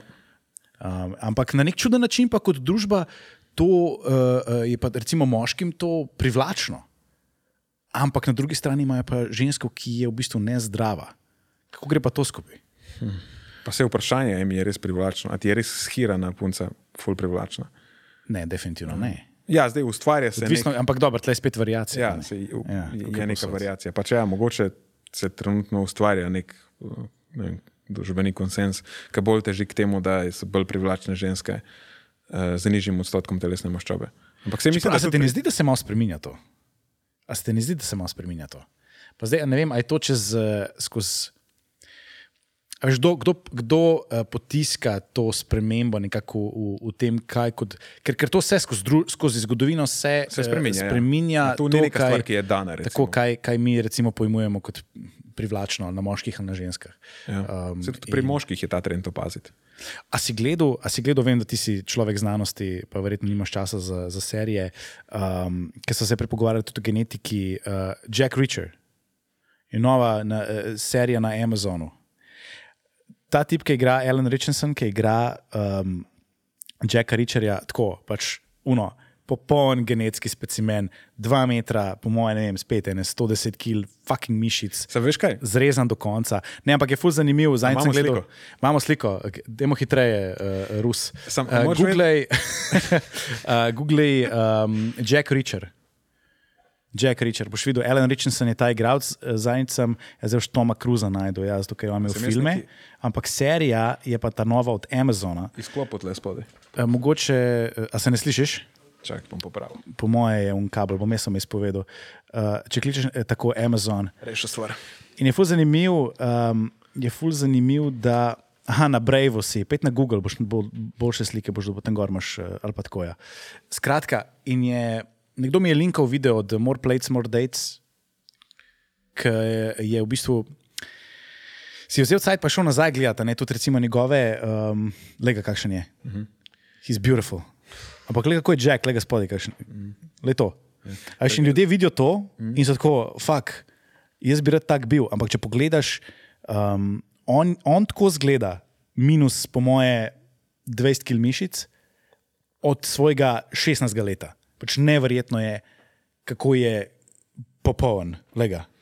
Fucking beautiful. In to je, te stvari vidiš, a nekaj pravijo, ja, ženske imajo nerealne, uh, nerealne, kako bi ti rekel. Uh, to je, mislim, ena izmed zadnjih uh, teh slik, ki jih je dal gor, um, pa je tudi Mičkin razlagal o svoji dieti, pa je rekel, da nikoli ni jemal steroidov. In sem tako, oziroma sam razen, razen um, zadnje, uh, kako bi rekel. Um, v zadnjem času zaradi nekih zdravstvenih razlogov. Tako, ok, bro. Mislim, ne, ne obsojam tega sploh. Um, moš narediti, kar moš narediti. To je sploh Hollywood, je tle po moje zelo. Um, Zelo, kako bi ti rekel, zelo, Drugač pa v nekem naravnem stanju, kjer nisi podprt z posebnimi športnimi dodatki, je recimo tak odstotek, odstotek telesne maščobe povezan z nižjimi ravni testosterona. Mm. Nekaj, tako kot pri ženskah se začnejo reproduktivne funkcije izklapljati, eh, tako isto pri moških. Sej, če nimaš zadostne zaloge energije, je to signal, da živiš v pomankanju in se moraš malo izklopiti. Ja, ja, ja. Um, in, um, a veš, govorimo o teh nekih nerealističnih standardih za telo. Mislim, jaz, ki to vidim, mene to motivira. Jaz hočem iti v fucking gym. Jaz hočem biti manj debel, ker sem trenutno. Ja, zato, Ja, ker, razumeš? zato, ker ne veš, kako se recimo nek povprečen posameznik, se ta je mogoče model tako predispoziran. Pa, Definitivno. Pač po, kar se tiče genetike. odstotek maščobe tudi nima nekih posebnih neugodnih učinkov na njegovo zdravje. Ampak recimo za nekega povprečnega posameznika, če spusti svoj odstotek maščobe pod 10 odstotkov, bi si skoraj postavil, da se bo to negativno odrazilo, vsaj na njegovem počutju, ter če ne tudi tako konkretno fiziološko, recimo pa v ravnih spolnih hormonov in tako naprej. Ja, pač na, daljše, na daljši rok vzdrževati tak nivo telesne maščobe je zdravju škodljivo, Škodljivo, po ja. domač povedano. Ja. Um, se zato tudi, če gledaš um, tudi bodybuilding, kot res razumem, imaš itak, oni imajo pa klasičen jojo, ne? oni grejo v bistvu v maso eh, in potem grejo v definicijo, se pravi, da se zdefinirajo pred tako eden izmed najbolj ekstremnih športov. Oni Ja. se dobesedno pripeljajo na rob smrti. ja, dehidracija, ja, tako, vse skupaj. pač Ja. Zgubijo maščobo vso, kar praktično jo lahko zgubijo. Eh, Dehidrirajo se in potem v tem stanju morajo optimalno performati na odru. Tako da na nek način je, mene fascinira ta šport. Mene, to- mene je neverjetno. Jaz, recimo, sploh zdaj, um, ki imam otroka, jaz sem grozen, sem, grozen sem zgledal, po moje, ene pol leta nazaj. Že, če, pogledate, ta prvo, če pogledaš prvo epizodo eh, z Lukatom, ki so bila, sem po moje imel, ne vem, sem imel 10-15 kg več, um, tako res, tak, res sem bil mehk. In je, jaz si ne znam predstavljati, da si recimo ti nek bodybuilder, pa imaš neko družino. Um, pa imaš, dobro, se verjetno oni to profesionalno počnejo, tako da je to spet čist drug lifestyle, ampak veš, otroka, ki po noč ne spiš, slabš ješ, ki nimaš cajta, uh, se s tem ukvarjati, ker jaz vidim, da nimam toliko časa se ukvarjati z treningi, z prehrano, kot sem se prej imel. In dobro, to je tudi mal izgovor, ker če bi bil mičkam bolj discipliniran, kot sem, sigurno bi se dal več narediti. Ampak, kakšno, tako, če si z vidika tega, kot si rekel, pripeljajo se na rob smrti z dehidracijo, z, z restrikcijo kalorij, um, in potem stopijo na oder in izgledajo, da so v najboljši formi svojega življenja. In meni je, že, men je že trikrat na teden prideti v gim, trenutno mi je ful težko. In noro, to, to, to je tak, um, kako bi temu rekel, tak dedication. Uh, Posebna sorta ljudi gravitira v ta šport. Noro. Pa jaz poznam, recimo, tudi pri nas imaš te uh, fante, ki, ki delajo ta, ki delajo bodybuilding, pa so ne vem. Študenti medicine ali pa študenti tega in drugega zajemanga faksa in so tam zelo uspešni, na drugi strani so pa tudi neverjetno uspešni um, v bistvu tekmovalci v bodybuildingu. Na nek način- A sem jaz tako nezorganiziran? Ne vem. Me, ker veš, jaz vse v svojem telesu dati, da, da, da se spravim v gim, da pazim na hrano. Zelo težko je to za me. Uh, veš, v disciplini je svoboda, ne? kdo to pravi. Joko Willing. Ja. No, mi, mi, Good evening, Echo. ena stvar je ta, da Zdaj moram reči good evening. Pokvaril si vibes. Ma ne poznam jaz tega, ne gledam, ne gledam Jokota. Um, ampak čisto slučajno samo poznam ta Ker se ne rabiš hajpati za disciplino, kot se moram jaz. Ne, hočem reči, da- od jutra do večera za, za fucking se v statistiko. bistvu ne rabiš hajpati, ne. se to je glifora. Mislim, da že v štartu v bodybuilding gravitirajo ljudje, ki uh, imajo radi strukturo, uh, ki jim to zelo ustreza, ki imajo radi številke, recimo, mogoče, kaj pa je zdaj v glavnem struktura, mislim, da je ključna stvar. Plus to, da enkrat, ki uh, tak način življenja tudi od tebe zahteva, da postaneš še bolj strukturiran, da še razviješ neko dodatno disciplino. In se mi zdi, da ti pol tudi drugje, na drugih področjih lahko uh, ta disciplina po pomaga. No? Definitivno. Mislim, jaz recimo opažam, zakaj sem imel težave na faksu. Um, je bilo to, ker sem se moral s svojim karakterjem, ki ga imam, ki je zelo ADHD, ki ga zelo hitro začnejo druge stvari zanimati, ki kakšne stvari zmotijo. Uh, čeprav pa enih stvarih sem pa zelo, zelo, zelo um, discipliniran in zelo fokusiran. Ampak um, še vedno imam ta, a veš, squirrel, a ne, hitro zgubim pozornost in ta disciplina je tisto, kar. Um, pa organizacija časa, pa to, veš, to je tisto, kar mene eh, nekako nazaj drži. Ampak je pa tako, kot si rekel, ker te prisil v to in, in, in imaš uro in takrat moraš iti, in tu, če se ti ne da, se moraš spraviti. Uh, uh, uh, Moš vstati, vzeti torbo, bom v avto, se, se spraviti do Džima, narediti svoje uro, uro pa pol, iti domov, um, zato da lahko potem greš. Ne vem, mogoče še otroka vidiš, preden gre v vrtec, in potem greš v službo, in da imaš popoldne, recimo, frej. Ne, da ni vse all over the fucking place. In to je, se pravi, sploh zdaj mi je recimo, težko, ker imam toliko enih dodatnih obveznosti. Um, in um, ta disciplina je tisto, kar recimo meni fali, in zato si mogoče jaz ne predstavljam, kaj vse je zahtevano od tebe, da, da prideš do tazga nivoja, recimo, ki smo ga prej gledali.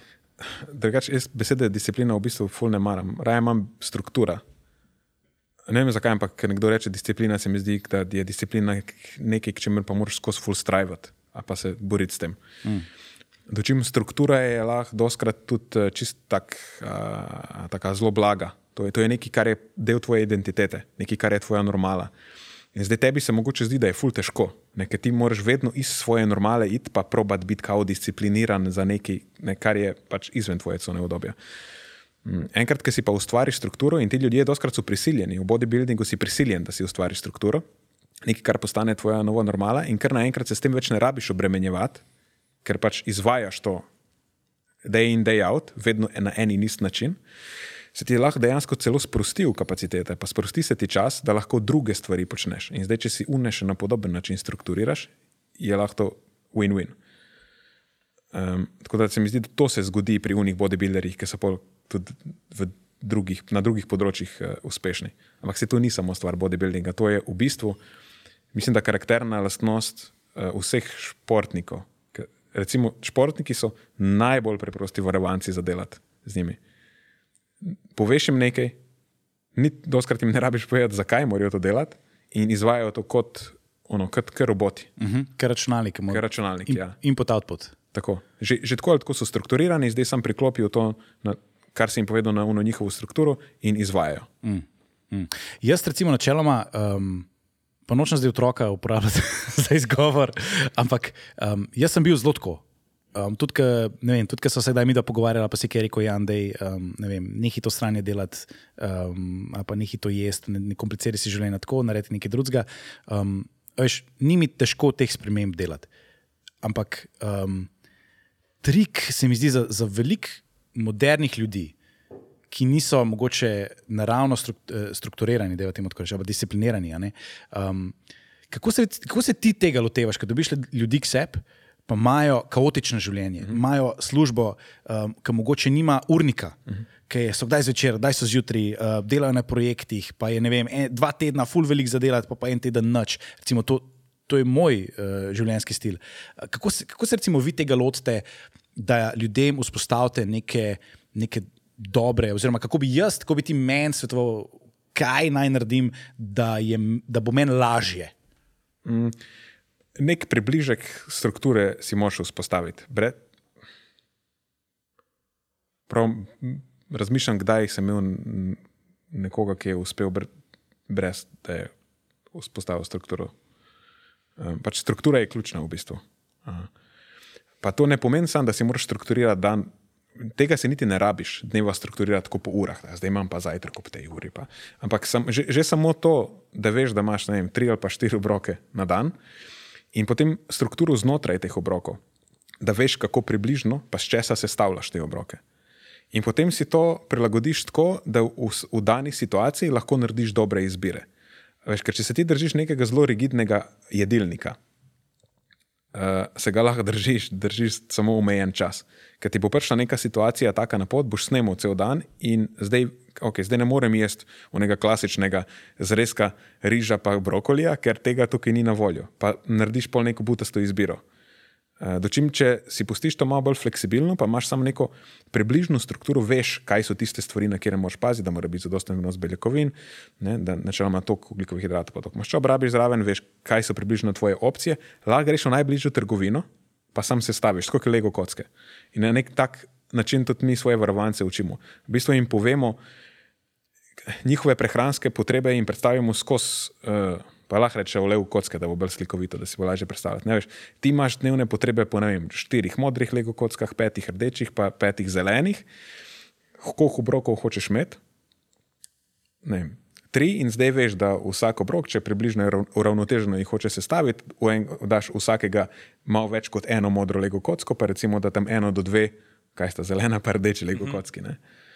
Uh, in je tako zelo, zelo preprosto. Je, no? In tudi v- naučimo jih, pač, kje so zdaj modre, lego kocke, rdeče pa zelene. In potem, če ti veš, da je tvoj obrok ena modra, dve rdeči pa dve zeleni, pol veš, kje živila ustrezajo tej barvni kodi, lahko greš v trgovino in pač zbereš, kar češ. Niti nič predpisano. Še kaj je zanimivo, ker to je točno to, kar sem jaz pogrunil, skozi nekak uh, uh, poskus in, in, in napako. In sem do, točno do tega, točno do, do istega sem prišel. Se pravi, imam eh, število obrokov na dan, ki jih moram zadeti, vem približno, kaj so moje makroti, se pravi, koliko beljakovin, koliko hidratov, koliko maščob. Um, in to že vem, da ker vidim hrano, vem približno, kakšna so razmerja, kaj, um, kaj pomeni beljakovina, kaj pomeni. Uh, Ja, dajte prosim to dol. Ja, dej, ker nama bo obema uh, uh, eksplodiral, eksplodirala glava. Uh, Nikita daje gor neke zelo stare. Stop doing that. Drugač, um, drugač, kar se tiče te eh, prehranske piramide, Ja, čakaj, da sam da končam, sam to, sam to da, da, ne zgubiva spet, uh, ker so oba dva malo AD- ADHD. Um, in mi je, ful mi je zanimivo, da si v bistvu ti eh, nekako to, v bistvu si isto povedal, kot sem jaz nekako čisto nesreč ugotovil. In da imaš neko matrico, se pravi, imaš, imaš meso, imaš zelenjavo, imaš hidrate in potem kombiniraš. In tudi točno tako, kot si rekel, ne vem, greš na neko snemanje, totalna štala, cel dan je akcija in imaš tam catering. In catering ima neko izbiro. In potem ti spogledaš, ok, tdd, vidiš, kaj moraš vzeti, vzameš te dobre stvari, pustiš te slabe stvari in, in se lahko full simple odločiš. Mogoče ne zadaneš tisti dan čist tiste predpisane makrote, ki si si jih zadal, ampak še vedno si recimo izbral um, hrano, ki je vsaj približno ok. The name of the game je to, ker good enough, Ja. ne perfektno. Ker perfektno te tukaj samo uvira, perfektno ne more biti nikoli. Ampak zanimivo, ne vem, zakaj imamo ljudje pri prehrani doskrat uh, to potrebo, da smo, a si perfekten ali nisi nič. Mm, uh -huh. In pol, kar se še zgodi, je, da če, če nisem perfekten, ne, sem, ne samo da sem nič, ampak pa, pa ker da je veš vse. Ja, ja, ja. Ne vem, ja. veš, Zdaj se držim nekih pravil in pol samo majhen odmik od tega je, ok, zdaj pa gremo čez down the hill. Ne? To, ne, ne, To sem jaz, to, to sem dobesedno ampak jaz. ful je nesmiselno. Ne? Veš, če se recimo pelješ po avtocesti in ti poče ena guma, ne? se ne greš, vem, pa predreš še ostalih treh. Pač zamenjaš gumo in se pelješ naprej. Ja. Nekako pri prehrani tega nismo sposobni narediti. Ne? A pa še ena prispodoba je, veš, če ti pade telefon na tla, ga pobereš, daš v žep in greš naprej, ne brcaš ga še naprej. Ja, ja. In jaz, sem, jaz sem identičen tle. In um, recimo, zdaj sem imel, zdaj sem imel eno obdobje restrikcije, sem rekel, tok pa tok, um, tok, pa tok časa. Um, no, prišel sem recimo do štirih oziroma šestih tednov, nisem čez zihar, uh, vse je šlo lepo, fajn, mislim, šel sem dol v bistvu kumulativno 4 kile, pa sem pa recimo zbolel. In take stvari, recimo, ki ti prekinejo to rutino, ki jo končno vzpostaviš, um, so tiste stvari, vsaj za me, recimo, ki so najtežje, s katerih se potem vrniti nazaj na ternice. In se v bistvu zdaj še. V bistvu že štiri tedne je od tega, ko sem prvič zbolel, ker je valjda eh, spet sin privlekel neke grozne biološke nevarnosti iz vrca ven, ker ne vem, kaj se dogaja letos. Ampak očitno ta, ta uh, socialno distanciranje, ki smo ga imeli, nam je imunski sistem, ker se nismo prekužvali in tako naprej, in zdaj smo se spet začeli, se mi zdi, da je to jaz vsakeč, ki nekaj dobim, dobim. Nisem bil tako bolan še, ne vem, od, odkar pomnim, ni bilo sezone, ker sem bil tako bolan, kot sem letos. Od, nekih, od slabosti do glavobolov, do vročin, do drisk, do praktično vsega. Ne vem, kaj se dogaja, ali sem pa jaz pusi rad v teh parih letih. Mislim, da je to, pogost, mislim, da je to normalen fenomen pri starših majhnih otrok, ki grejo. Jezus Kristus, ne. Ja. To je grozen. Tako, zakaj sem si to naredil? Um, ne, hitro zdaj. Pač, ja, ampak zanimivo je, ker recimo starši, ki imajo otroke že več let, pravijo, da letos je nekaj norga na tem. Ni važno. Sej vedno je zadnje leto najhuje. The most shocking. Nikoli ni bilo še tako hudo kot zdaj. Kako je že ženo, ženo ima en guilty pleasure, gledava ta Bachelor. In vsak let je the most shocking Bachelor finale you've ever seen. Me zdaj na to spomnil.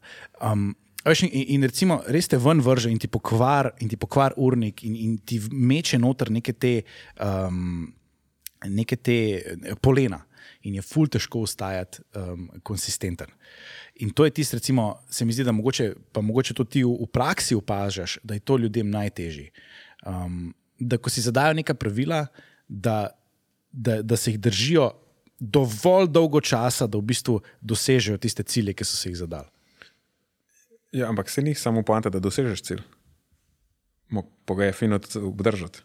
Držati naprej. a ne? Tako da že takrat, ko si v fazi, ko greš proti cilju, moraš oblikovati neke navade, ki jih boš pol vzdrževal naprej. Sej, ni fora, da nekaj delaš, pa, pa ker nehaš, če se vrneš na tisto, kar te je prej pripeljalo na točko, s katero nisi bil zadovoljen, se boš vrnil nazaj na njo. Zdaj, to je en pogost fenomen, ker smo priča, ko nekdo gre na neko ekstremno dieto iz pač prehrane, ki je bila prej kar nekaj.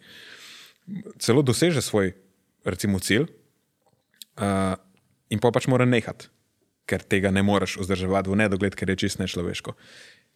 Če potem prešiftaš nazaj na tisto, kar si delal prej, boš šel tja nazaj, kjer si bil prej. Mm, mm. Eh, Če pa ti odgovorim na to vprašanje, ki si ga prej postavil, uh -huh. kako uh, takrat, ko ti življenje vrže polena pod noge.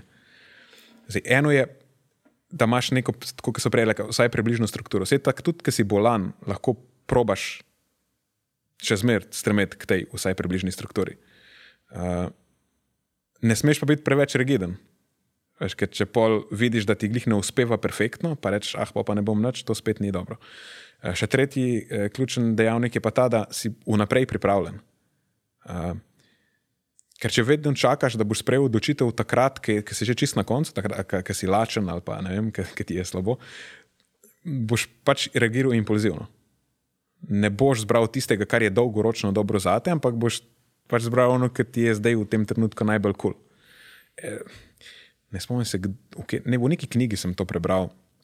Uh, avtor piše neko zgodbo, ki je bil v, v, nekih, v nekem hotelu, sta bila z nekim znanim eh, executivom. In opisuje, kako je ta model naročil en večer prej, je na room service poklical in je rekel, kaj bo zjutraj, jutraj za zajtrk. In je pač naročil neko, ne vem, neko osebno kašo, neki, neki pač kao, neki healthy meal. Se nima veze, kaj je naročil dejansko, ampak sem za, gre se bolj za to dejanje, za, za ta princip. Da je takrat, ko je bil sit, je naročil nekaj, kar mu bo na dolgi rok koristilo, ker ta avtor ga je potem vprašal, zakaj si zdaj to naredil, vse lahko jutri pokličeš, pa jutri naročiš, kaj boš jutri hotel jesti. In mu potem ta tip odgovori, da ja, se glih za to, ker zdaj sem sit, pa lahko sprejmem nekakšno racionalno odločitev, ki, bo, ki mi bo koristila na dolgi rok, ker jutri, ko se bom zbudil lačen, bom hotel pojesti nekaj, kar bo najbolj okusno, nekaj, kar, kar mi bo koristilo na dolgi rok. Ena stvar, ki je meni men res naredila en velik eh, premik, je um, v bistvu priprava obrokov naprej, meal prepping. To je kot prvo, ful ceneje, uh, kot drugo, veliko manj časa zapraviš um, na dolgi rok v kuhinji, ker lahko v bistvu vse naenkrat narediš um, za, za več obrokov in za več dni. Um, točno to, kar si ti rekel, prisilite, da tisto, kar si si pripravil v tistih količinah, to je zdaj to, kar imaš na voljo in to boš pojedel. In recimo, vsaj za me, ker nisem, tak, nisem zelo občutljiv, če jem ne, 3-4 dni praktično isti obrok um, dvakrat na dan. To za me ni problem. Jaz sem isti zajtrk jem že tri leta, po moje. Jajca, paradižnik, kruh, pa mogoče še kakšen kos salame, sira, kakšna skuta. To je to. To je, to je moj zajtrk. To je moj zajtrk, identičen zajtrk že leta. Sploh ne vem, kdaj na zadnje sem kaj drugega za zajtrk jedel. In um, to je ena taka stvar, ki je res tako, ki je bil game changer za me. In takrat sem, ne vem, takrat mislim, da sem skoraj 10 kil, uh, 10 kil uspel dozbiti, um, pol vsakič kasneje. Jaz, jaz imam ta problem, da to, kar si pa prej rekel, da ko končuješ, ko končuješ neko fazo, recimo nek kat, da začneš že naprej razmišljati za, za ta, uh, v bistvu, da padeš v to maintenance, vzdrževalno fazo. Um, to, ampak to je čisto moj iz bodybuildinga, um, ko bi ti rekel, terminologija.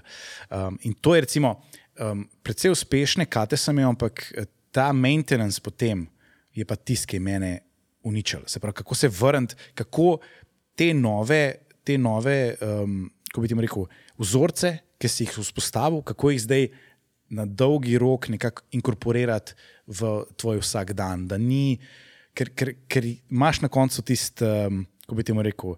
Želi, želiš se vrniti nazaj k hrani, ki si jo imel rad, od sladkega do mastnega, do, do vseh okusnih stvari, in začneš pretiravati. To je moj problem, res pretiravam. Um, Namesto da bi cenil to, pa si vsake to cajt prvoščil, okay, um, pa imel nek zdrav odnos s hrano. Jaz grem pa v drug, drug, drugo smer, spet v neki, neke nezdrave vzorce um, pretiravanja. Ja, tvoja struktura ni zadost fleksibilna. Sploh ta meal prep je najbolj ekstremen primer uh, strukture in predpriprave. Predpriprava lahko pomeni samo, da ti veš, kaj so živila, na katera se večinoma zanašaš, in pol, ki pride ura, ki si lačen, bodo to živila, ki jih boš zbral. Ne, ne rabiš si tega dejansko vnaprej pripravljati. Ti se lahko predpripraviš v smislu isto, to je moj go-to, recimo, ne vem, eh, kosilo, ko sem zunaj in pol, bo, ko boš šel v trgovino, boš te stvari nabavo. Sam rečeš si, to je moj go-to obrok, ki sem zunaj in to kupim v trgovini. Tako da ne rabiš si to dejansko vnaprej pripravljati. Druga stvar je pa ta, da moraš najti način, kako vsa ta živila, ki so ti všeč, na ta smiseln način še zmeraj pol znaš vključiti v prehrano. Ti moraš tudi vedeti, ne, kam se recimo čokolada ali pa uh -huh. neke tortice ali pa krofi ali pa čips, kako so te v odnosu do unih rdečih pa zelenih legokock. Ne? Na iст način, kot si se naučil riž pa ajdovo kašo vključevati v prehrano, se moraš naučiti tudi, kako čokolade pa čipse pa vse uh -huh. ostale stvari vključevati v prehrano. Da ti pol ta isti princip še zmeraj deluje, ker če ti samo znaš handlati z zelo osnovnimi živili, da razumeš, kaj pomeni zdaj, pač že riž na tvojem krožniku, nek, neka zelenjava, nek tak zelo pust kos mesane, kako boš pol vedel, kaj lazanja pomeni na tvojem krožniku. Ne, tako da tudi te veščine pol moraš uh, razviti, ker drugače ne more biti na dolgi rok tvoja prehrana vzdržna. Um, kaj, kaj bi rekel, da je tako najboljši hack, ki si ga ti odkril skozi um, svojo prakso? V kakšnem smislu? Um, kaj, kaj je tisto, mogoče si že omenil, je ta struktura? Kaj je tisto, ki si videl, da je pri večini ljudi um, najboljš, nekak, najboljš deloval za dosego recimo lastnih ciljev? Okay. Um, en problem, ki ga ljudje imajo najpogosteje, sploh tisti, ki imajo težave z regulacijo telesne mase, je ta, da ne pojejo zadost beljakovin, oziroma da svojih obrokov ne gradijo, pa ne temeljijo na virih živelih, ki so vir beljakovin, ampak uh, jim uh, temelj predstavljajo živila, ki so zelo bogati viri energije, pa sploh energijsko gosta. To je en zelo pomemben hek, da nekako prešiftaš iz tega, iz tega mindseta, ko te nekdo vpraša, recimo, kaj boš imel za kosilo, pa mu ti rečeš, testenine smetano v omako, to je pač oboje nekak vir energije, da mu pa bolj odgovoriš, da bo imel zrezek mesa, pa bodo testenine kot priloga. Uh -huh. ne, da, recimo tak pogled na prehrano, kjer dojemaš vire beljakovin, tudi recimo bolj puste sorte, kot nek temelj obroka, pa potem priloge pa ostalo priključuješ zraven. Tako da, če bi hek mogel izpostaviti, pa je to en uporaben hek, po moje. Um, zdaj, če, je, zdaj, če je tvoj cilj pač regulacija telesne mase, bolj usmerjena vzdolj. Ker če imaš nek nasprotni cilj, kjer moš pridobiti telesno maso, ali pa si recimo eh, športnik z nekimi resnimi športnimi ambicijami, pa se mogoče to niti ne aplicira. Tako se ja, tudi potrebuješ beljakovine, da uh, moraš zagotoviti zadostno vnos beljakovin, ne, da optimiziraš svojo uh, regeneracijo, pa prilagoditev na trnažen proces. Uh, samo ne smeš pa iti preveč v ekstrem da bi potem pač jedel toliko beljakovin, da bi ti to onemogočalo, da zaužiješ za dosta energije. Da, te stvari so dosta specifične. Ne? Ni tako, da bi obstajal en kukikater pristop za, za vse podskupine. Mm. Ampak recimo, da kot splošna populacija, ki se večinoma borijo z regulacijo telesne mase, da to je en hack. In to je tudi nekaj, kar pri tej eh, podskupini opažamo. Da doskrat pojejo manj beljakovin. Se to ne pomeni, ne pomeni, da jih pojejo premalo, pa da bi trpeli dejansko pomankanje beljakovin. Samo nekoliko višji vnos beljakovin uh, lahko signalizira več sitosti, pa na ta račun pride do enega fenomena, ki se mu reče spontano znižanje energijskega vnosa. Pač, če tvojo prehrano predstavlja večji delež beljakovin, zna biti, da boš po nesreči pojedel manj energije, pa da, bo, da boš zbiral manj teh živil, uh mhm. -huh. ki so uh, bolj energijsko gosta. So vi v bistvu imate pol, kako bi ti rekel, dostop do en, enega ful velikega um, vzorca podatkov skozi ljudi, s katerimi delate. Um, a, a, nekak, a se to tudi na koncu odraža v tem, kako vi gledate na, na znanost prehrane? A, veš, a vi tudi vidite nekatere vzorce, a vi vidite iz prakse ven, um, kako kako se v bistvu neki ti principi, ki jih na nek način v teoriji obdelujete in berete in se jih učite, potem v praksi delujejo in, in, in na, na podlagi tega, a delate kakšne, uh, spremembe, naredite kakšne zaključke, ki si rekel, da, da recimo ste imeli. Ne vem, nešteto, no, nešteto, ampak sto, stotine ljudi, ki so šli uh, čez ta proces pri vas, uh mhm. -huh. se prilagaja to, glede na to, kaj vi vidite v praksi. Mm, ne vem, če jih razumem to vprašanje. Mislim, ampak sej, lepota tega, da je tvoja praksa evidence-based, je glih to, da načeloma vedno, za, mislim, vedno zadaneš. Uh mhm. -huh. Mislim, ne vedno, ampak po, pogosteje zadaneš. Ne? Ker tudi če ti eh, neka znanstvena raziskava pove samo povprečje, mislim, sej, v bistvu ti ne pove nikoli samo povprečje, ker je tudi variabilnost teh podatkov vidiš. Ampak ti pa delaš z nekim vzorcem ljudi na katerega lahko te ugotovitve preslikaš, recimo, da so reprezentativne. Če jih pride 100, veš, vse večina jih bo padla znotraj tega povprečja. Tvoj uh -huh. nasvet bo načeloma ustrezen. Ne? Mogoče ne bo čist 100% perfekten, ampak bo pa vsaj približno ustrezen. Ja, pa potem pa na podlagi feedbacka, ki ga dobiš, stvari prilagajaš. Ampak ni, skoraj nikoli se ne boš čist zmotil. Ko si pa zdi, recimo, okay, stanje, stanje znanosti, kar se prehrane tiče, tle pri nas? Mm, misliš o Sloveniji? Ja. Ker tako kot nek evidence-based, evidence-based prehranski um, pristop, nekako ne slišiš tega čist posod, ne slišiš tega pri nutricionistih, ko nagovarjajo ljudi. Ja, tukaj tako je. V bistvu slišiš precej pogosto, da trdijo, da se sklicujejo na aktualne znanstvene ugotovitve. Ampak je to v zadnjem času, to, to je postalo neki ljudje, ki upletajo s tem. Eh, Plus, kar se mi pa zdi še huje, je pa to, da ljudje dejansko izrabljajo zapletene, znanstveno zveneče izraze, da izpadejo, kot da so evidence-based, ampak v bistvu niso. Ne vem, ekstra, ekstrapolirajo neki iz raznih raziskav na živalskih modelih, ki se sploh ne morejo posplošiti na ljudi, ali pa u, uporabljajo neke obrobne raziskave, um, ki so tudi vprašljivo. Njihovi rezultati so recimo vprašljivi, pa kar rečejo, da to je pa zdaj že pot- potrjeno, uh, pa tako naprej. Uh, tako da mislim, da, ja, da, da je precej pogosto, ljudje precej pogosto rečejo, da so evidence-based, ampak večinoma se mi zdi, da niso. Je pa res, da obstaja par kolegov, uh, ki pa delajo dobro, no? tako da nismo niti zdaleč mi edini. Kaj, kaj je tako najbolj kontroverzna stvar, ki jo recimo zdaj verjameš? Ker vzpostavijo se neki te, nek, eh, kako bi temu rekel, splošna znanost, uh, um, zdrava pamet. Okay. Ampak kaj je tako, taka stvar, ki, ki najbolj um, nasprotuje te neki zdravi pameti v prehrani? Nekaj, ki vsi verjamemo, ker rečemo, ja, ne vem. Ne, vem A, ne, okej. sm, ne smem sladkorja. Okay, ta je easy, ja, ja. A sladkor. Ja. Sladkor, to je pač. A je ni tako bav ta sladkor, ki smo spostavili, da lej, pač sladkorja, sladkor je v vsakem primeru vedno ni dober za te. Ja, to je nekaj, kar uh, pač kategorično ne drži. Okay. Ne, samo, mislim, ne samo, da ni. Dan, konc, stop, ja, mislim- konc, konc debate. Ja. Uh, ja, pač ne drži. No. Ampak Ne um, samo, da ni slab, ampak v določenih primerih je lahko celo zelo koristen. In mislim, da trenutno uh, stil komunikacije, to, da se straši pred sladkorjem, je bolj nekoristen kot koristen. zakaj?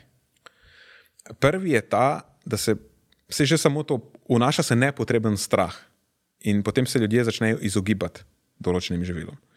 Ok, se lahko se strinjamo, da se je fajn, da je fajn imeti prehrano, ki temelji na večinoma na manj predelanih živilih, pa tako, so bolj kakovostna, pa niso recimo procesirana živila, za katere je znano, da so dodani sladkorji, ki pač sladkor je tam, dodani sladkor je tam pomembna komponenta. Ne?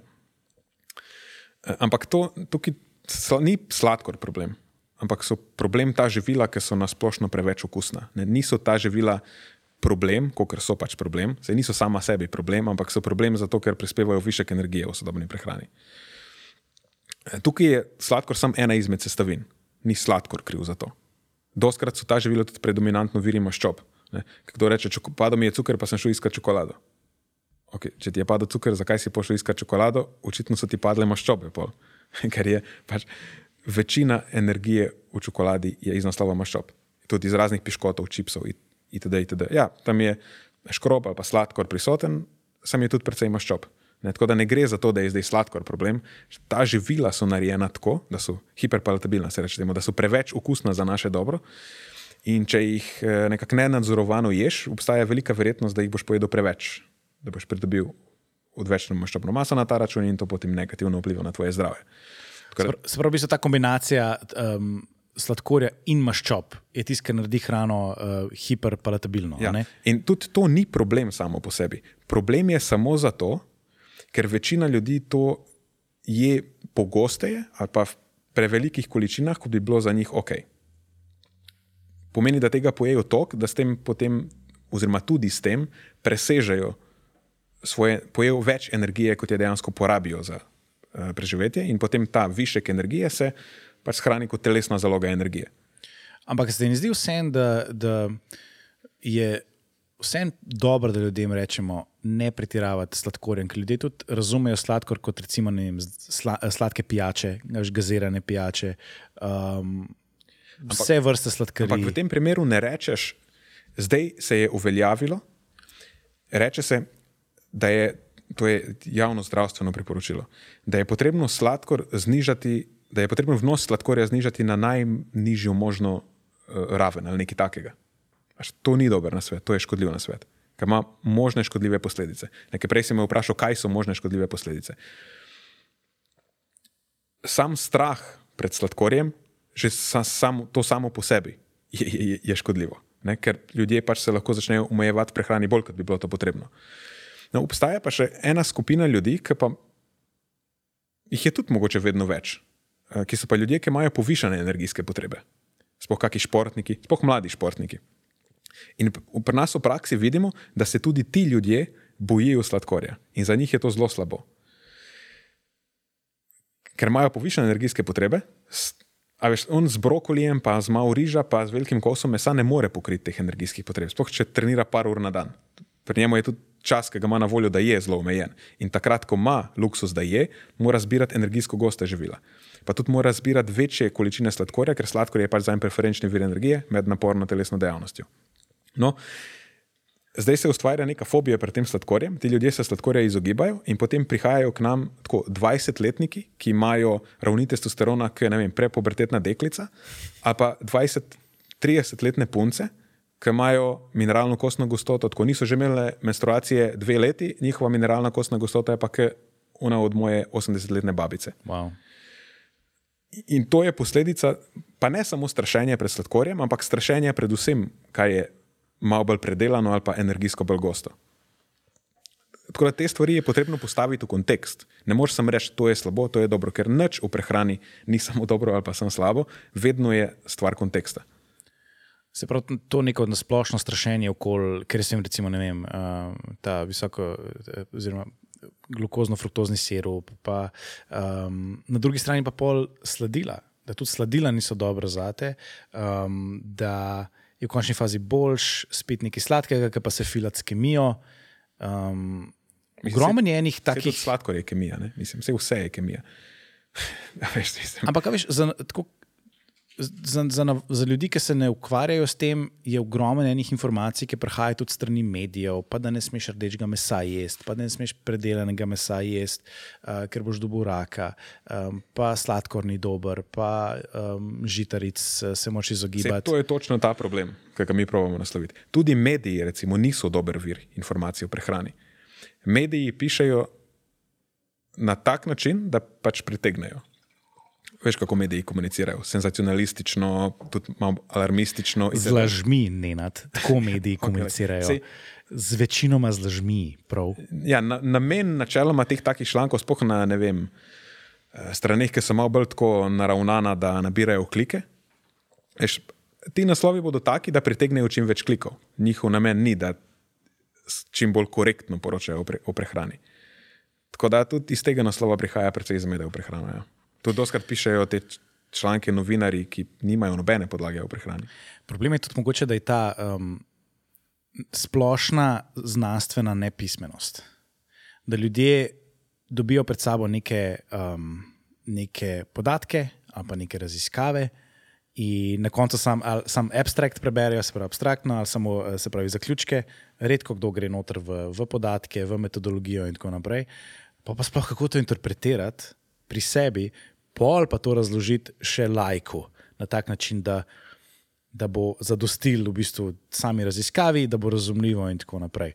Um, ta sploh znanstvena pismenost, pa tudi jaz, res, tudi zase si upam trditi, da nisem najbolj znanstveno pismen, ker je. Um,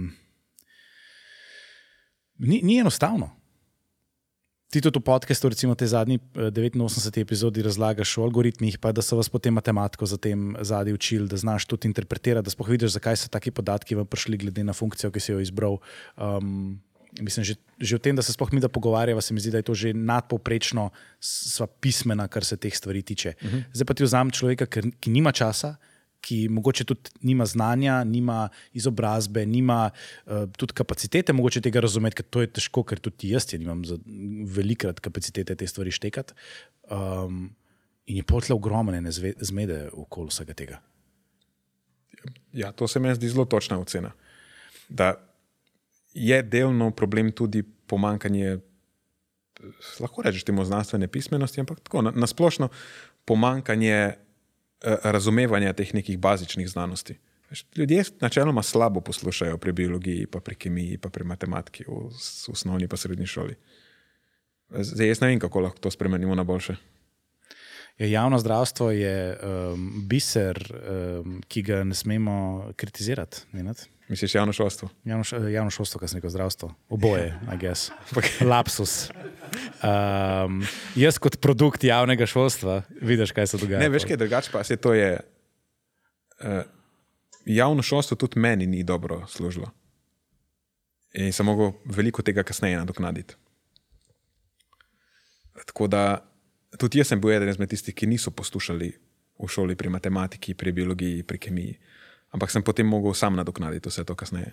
Ker to je verjetno Se- začelo enkrat zanimati. Ja, sem, ja ampak se to je. Se, jaz sem bil vedno um, ki se ne vklaplja dobro v sistem. Eh, Sploh če se ga v neki sili, pol sem se, začnem se uh, še bolj upirati. In potem v srednji šoli pač si to je bilo eh, pik upiranje. Uh, rebellious youth. Ja, tako da kasneje sem mogel vse te stvari nadoknaditi uh, sam. Je bilo mm. pa ful laže, ko se začneš te stvari učiti zato, ker hočeš neko stvar, ki te zdaj zanima, za katero si se sam odločil, razumeti bolje. Sam sem pa mogel vse narediti isto, kot bi takrat. Pač. Začel, mogel sem začeti z srednješolskim učbenikom, uh, pa pol nadaljevati z college level učbenikom, pa tako naprej. Ker ti se tudi zdaj naprej izobražuješ, če prav razumem. Ja, zdaj- tudi, tudi uradno tako. Ja, zdaj zaključujem magisterij uh -huh. uh, na biotehnički iz prehrane. Iz prehrane, iz nutricionistike. Okay. Mislim, prehrana se reče. Prehrana se reče. Ja. Se isto. Na koncu si magistr inženir prehrane. Wow. Gospod minister. Ne, Magister. magister. Fa, jaz sem danes tako retardiran. Nenad. Kaj lahko za uporabo možganov, za, za, boljši, za boljši izkoristek svojih možganov naredim? E, mogoče malo Več kave. kofeina? Ali pa preveč si spil. nisem. Uh, kaj pa vem. Um, ker ne, znanost sama po sebi, pa sploh pri nutricionistiki, je zelo. Ni tako, um, nima neke dolge tradicije. A lahko tako rečemo. Ima stoletno tradicijo. Ima. Ja, obstajajo znanosti, ki so. Velik. Oziroma področja znanosti, ki so veliko starejše. ja. In je to relativno mlada znanost, sploh, um, sploh ki jo probaš potem aplicirati v prakso. In se mi zdi, da je tle prihaja do največ, um, do največ zmede, glih zaradi tega, ker um, še probamo dojeti, kako se jo sploh id. In ker je človek sam po sebi tako, um, kako bi temu rekel, ena velika spremenljivka. In je zelo težko potem aplicirati. Dobro, se, če imaš dovolj veliko število, lahko potem najdeš ne, z razporeditvijo in tako naprej, kam, kam kaj paše. Ampak um, nekako probam, nekak probam veš, te napeljati k temu, kar sem tudi uh, v tem zadnjem podkastu poslušal o sami znanosti. Um, ker ne, vem, sploh v zadnjih dveh letih, okoli korone, pa okoli vsega tega si imel um, veliko enih takih religijskih um, podtonov. Ne, ja, jaz verjamem v znanost. Jaz, um, ne vem, doktor Fauci je moj svetnik, uh, Fauci, avči. Um, gremo se cepati, ne, zato ker verjamemo v znanost. Potem smo na drugi strani recimo ljudi, ki so tudi trdili, da v bistvu spremljajo znanost, ampak da, so, da, spre, eh, da spremljajo znanost, ki ni javno znana. Ne vem, vsakeč, ki pride nek, eh, neke dodatne informacije o teh eh, poskusih cepljenja od Pfizerja, pa se noter najde, recimo, um, kakšni podatki o smrtih, ki so bili večji od tega, kar so oni trdili. ne, In potem imaš na drugi strani ljudi, ki trdijo, da so tudi oni zelo veliki zagovorniki znanosti, in potem se eni zagovorniki, oziroma eni beliverji znanosti tepejo z drugimi. In je to en- rata neka taka, spet tako zelo sekularna religija, um, ta nek scientizem. Um, in tako razmišljam, da pa prehrana pa tega nima toliko. A misliš? Ja, Mislim, da je v prehrani to izrazit problem, da ljudje zastopajo različne, da so pristranski do različnih načinov prehranjevanja. Veš, imaš raziskovalce, ki se recimo prehranjujejo vem, low carb, pa se prehranjujejo vegansko. Uh -huh. ne, to je lahko pri njih, je, obstaja resna skrb, da je to pri njih lahko nek vzrok za, za pristranskost. Pa mislim, da je to stvar resne debate o prehranski znanosti trenutno. Drugač pa, če se, tisto, kar si prvo vprašal, da je o, o mladi znanosti. Uh -huh. Ja, res, da je precej mlada znanost, ampak se mi zdi, da je precej dobro dohitela vsa ostala področja. Uh, vemo, kaj vemo, pa vemo, česa ne vemo. Tako da lahko uporabljamo tisto, kar zdaj že s precejšno gotovostjo vemo, da je najbrž res. Tisto, za kar pa še ne vemo, tam smo pa pač malo bolj zadržani. Tako da načeloma pač tako interpretiraš znanost v prehrani. Ja, res je, obstaja en kup stvari, ki jih še ne veš, ampak pri svojem delu upoštevaš, da to ne veš. Mogoče jaz na to gledam bolj kot nek, nek boj ideologij, bolj kot boj različnih verovanj v znanost. Ker low carb je lahko ideologija na koncu, nekaj spet vpliva na, na te um, na velik. Na velik načinov postane del tvoje identitete, sploh kot so prej rekla, vegani, isto, zelo velik del tvoje identitete. Um, ja, ampak eh, ti ljudje potem vedno se, kot si prej rekel, se znajo sklicevati na znanost in mogoče tudi eh, izbirajo, um, kot tiste češnje, nabirajo. Cherry tist- picking je tako, primer. Najdejo neke stvari, ki potrdijo njihove um, koncepcije, nekaterih zadev, in potem rečejo, da je vse znanost to pravi. Um, ne vem, eh, ta, ta, res ta, ta scientizem sploh je manje znanosti kot neka taka res sekularna religija. Ja, ta, uh, I believe in znanost. I believe in science, v smislu, jaz verjamem v znanost, to je paradoks sam po sebi. Ker znanost ti pravi, da ničesar ne smeš dejansko verjeti. Tako, Nič ne sme postati do, dogma, da ne bi bilo vprašanje uh, tako, da bi lahko dvomil v to. To je tako neka temeljna predpostavka znanosti, ne? ker tudi znanost napreduje via negativa, skozi to, da ti ugotoviš, da je nekaj narobe v bistvu. Nikoli ničesar ne moreš zares dokazati.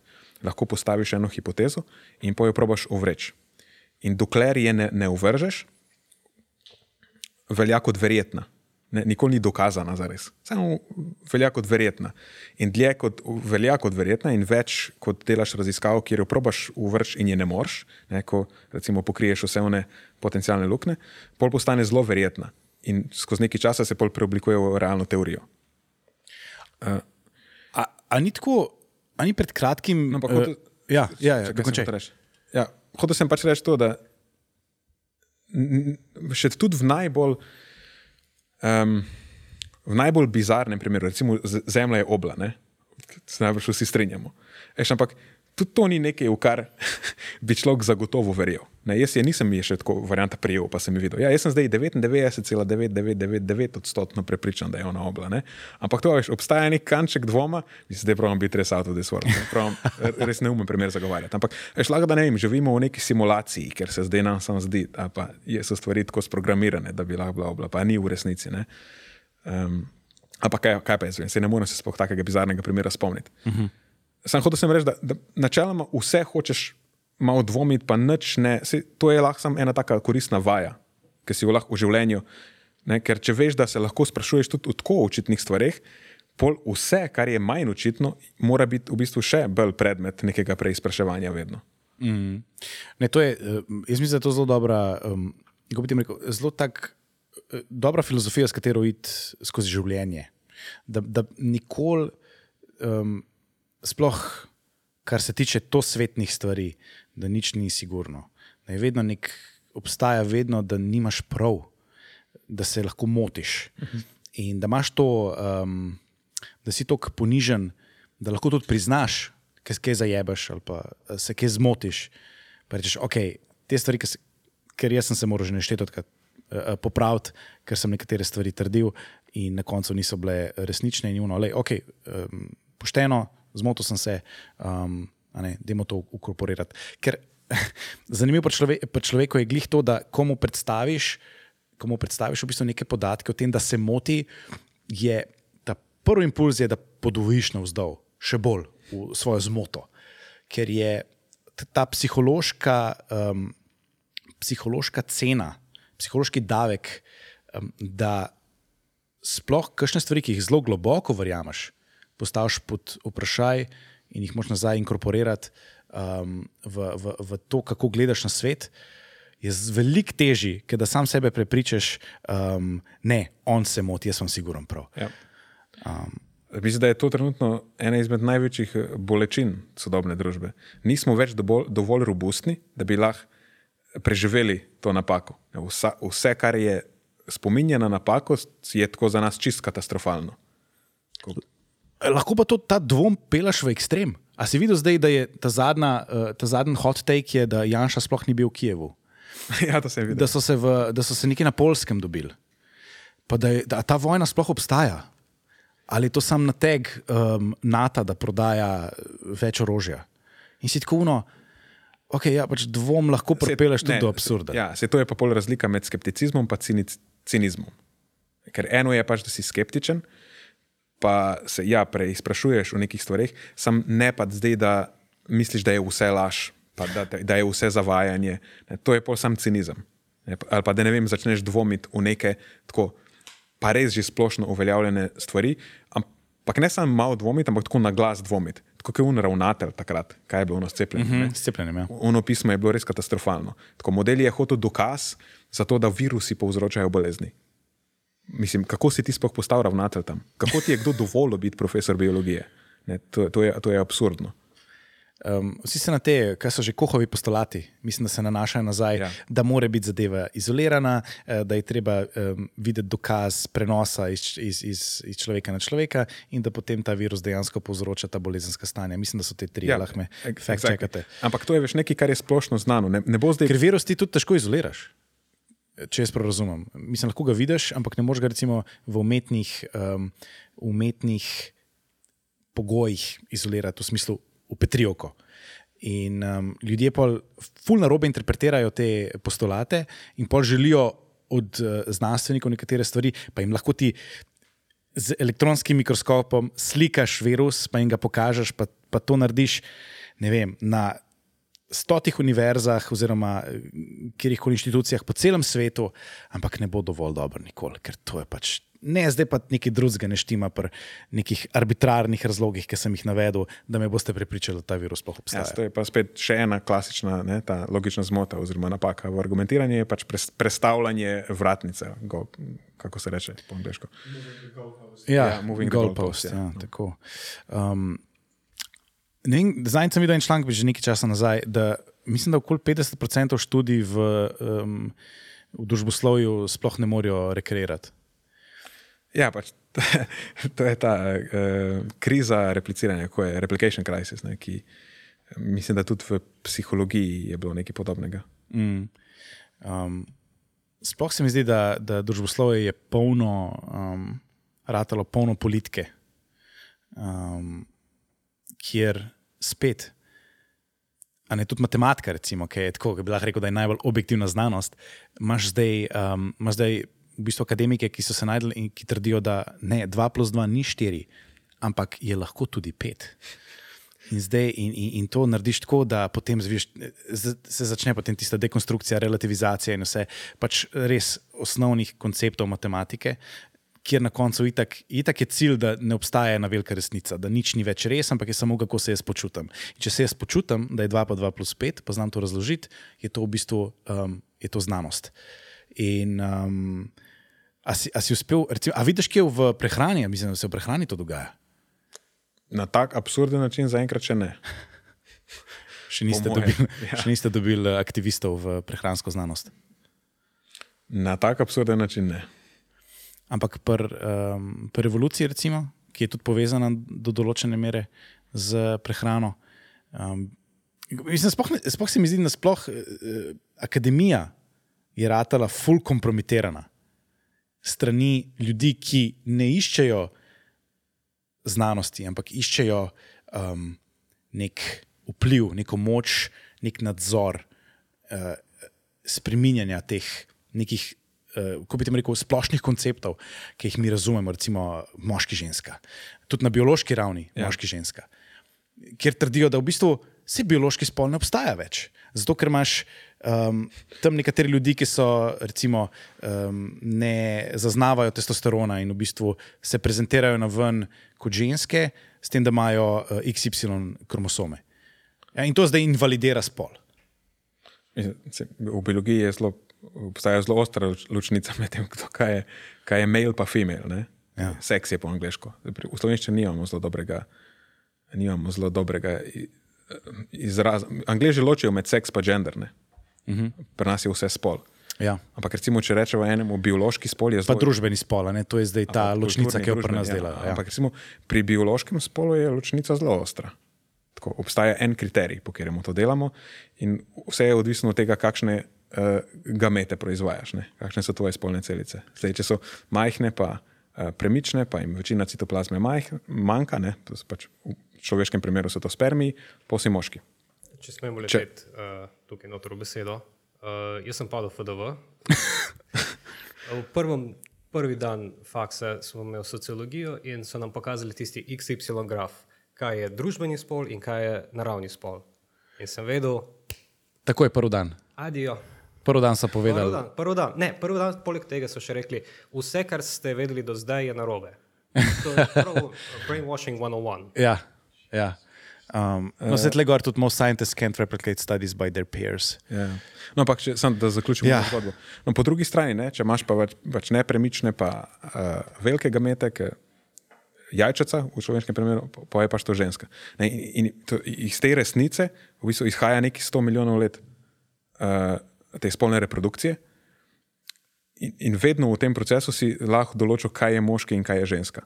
Ne, tudi če najdeš neko, recimo, zdaj novo vrsto, kako bi določil moškega pa žensko, ne, recimo, da je to vrsta, ne, ki je, se ra- razmnožuje spolno. Enako, oni, ki imajo majhne, pa premične, moški, oni, ki imajo uh, velike, pa nepremične, oni bi bil ženska. Je pa res, da se recimo lahko določene spolne karakteristike pol razlikujejo. Ker odvisno od evolucije te vrste. Zdaj, pri ljudeh pač so uh, primarne, pa sekundarne. Primarne so uh, pač naše genitalije, ki so, pač, uh, ki so pod za dostavo tega med. Uh -huh. Take kot so, pri, več, večinoma pri moških, pri ženskah. Ne? In pol imaš še sekundarne spolne karakteristike, ki se razvijajo kasneje, ko uh, organizem postane ploden, fertile. Vemo, kakšne so večinoma pri moških, pa kakšne so večinoma pri ženskah. Ne? In to je pogojeno s tem, kakšne kromosome imaš, pa z, z hormoni kasneje. In večinoma je ta, uh, veš, obstaja neko povprečje, ki vemo, kako je. Tud, recimo, mož, lahko rečeš, da moški so načeloma večji od žensk. Ja, se obstaja uh, neka distribucija tega in zihar lahko najdeš eno žensko, ki je večja od posameznega moškega, ampak v povprečju so moški recimo večji, pa bolj poraščeni, pa bolj mišičasti uh, od žensk. Toda neka variabilnost znotraj tega vsekakor obstaja. Uh, tudi kako se, ker spolne karakteristike potem so tudi vedenske, se niso samo fiziološke, ampak moški se načeloma obnašajo na določen način, v povprečju tak in ženske na tak. In tudi tukaj obstaja veš, neka variabilnost. Ne? Imaš še mogoče lahko kako uh, žensko, ki je tako malo bolj tomboj, uh, ki se po nekih kriterijih obnaša malo bolj kot moški. Am- Ampak, če smer v povprečju, bodo moški bolj moški po, po svojem obnašanju. Ja, sej obstaja tukaj, potem, ko govorimo o, o nekem kulturnem spolu, ki je pa odvisen tudi od tega, kako kultura dojema nek spol. Lahko rečeš, da ja, res obstaja neka variabilnost uh, znotraj tega, kako bomo mi ta kulturni spol definirali, ampak še zmeraj je stvar zelo tako.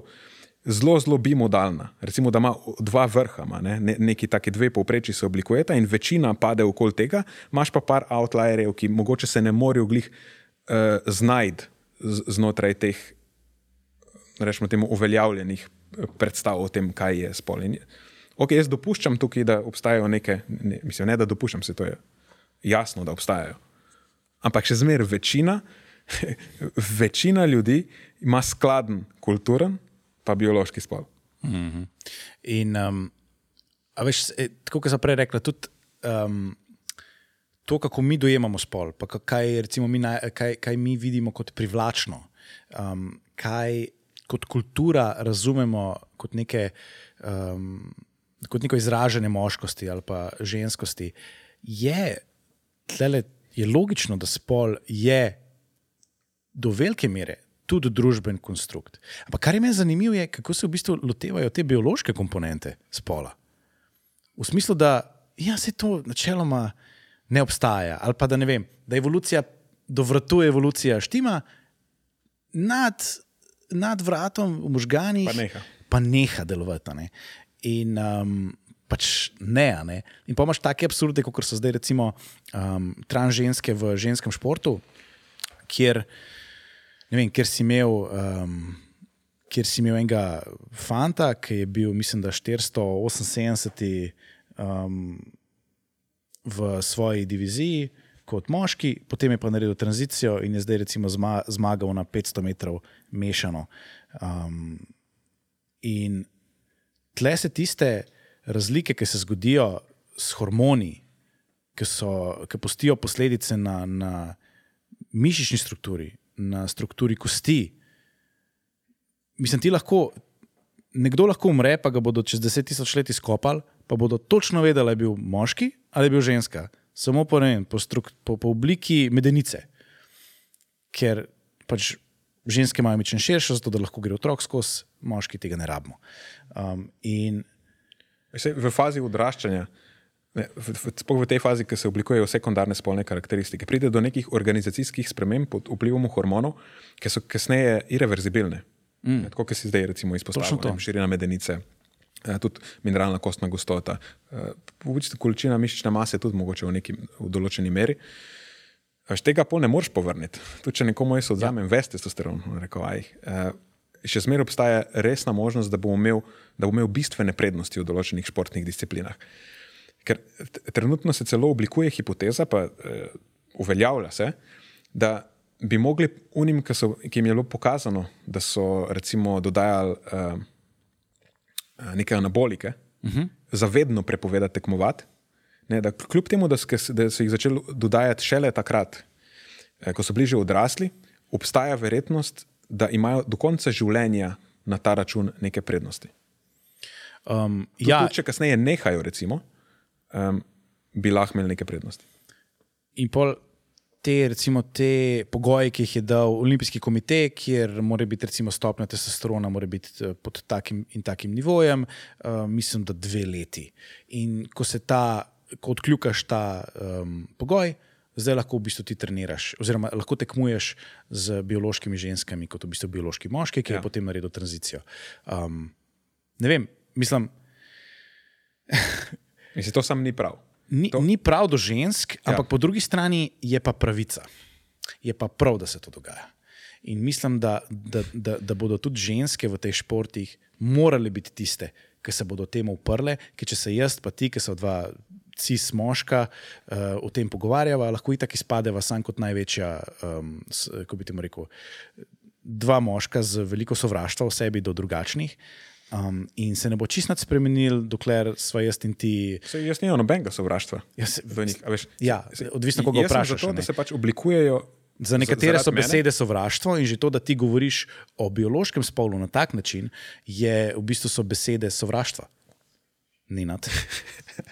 V redu, Tako da ima se umer. Uh, jaz ne bi to klasificiral kot sovraštvo, ampak lej, po moje se morajo oblikovati neke posebne kategorije, kjer bodo lahko ti ljudje potem po, pod enakimi pošteno tekmovali med sabo. Ne? Ker jaz tudi mislim, da nobenemu športniku dejansko ni v interesu, da zmaga v neki kategoriji, kjer ve, da si tega ne zasluži. Ne vem, kaj mu pol prinese ta zmaga.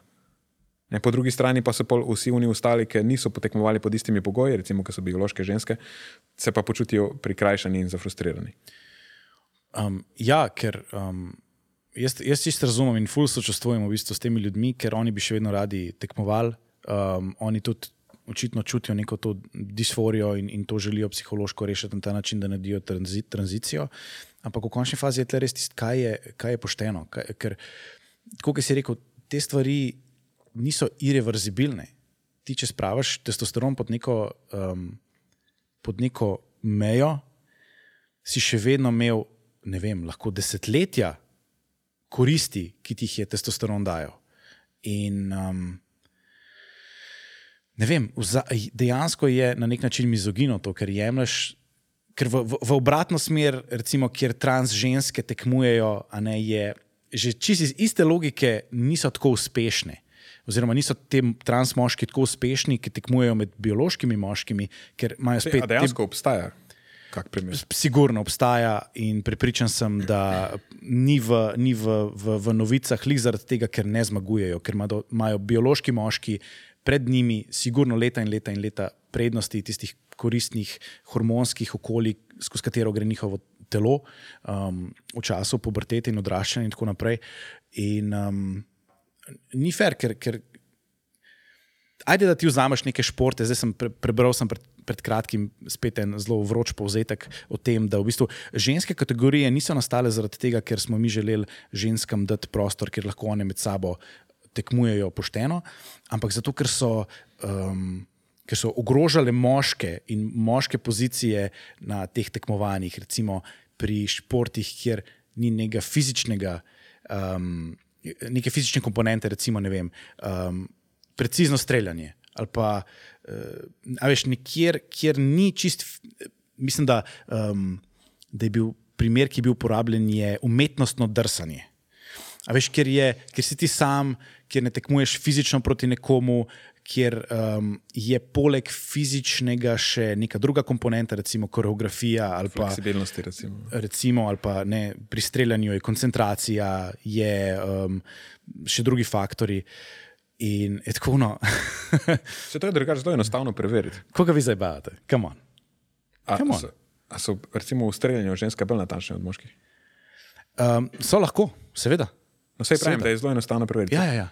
Uh, V športih, kjer dejansko nimaš te neke full fizične komponente, recimo tudi um, full znan problem, spe- mislim, znan uh, primer je, so kontaktni športi.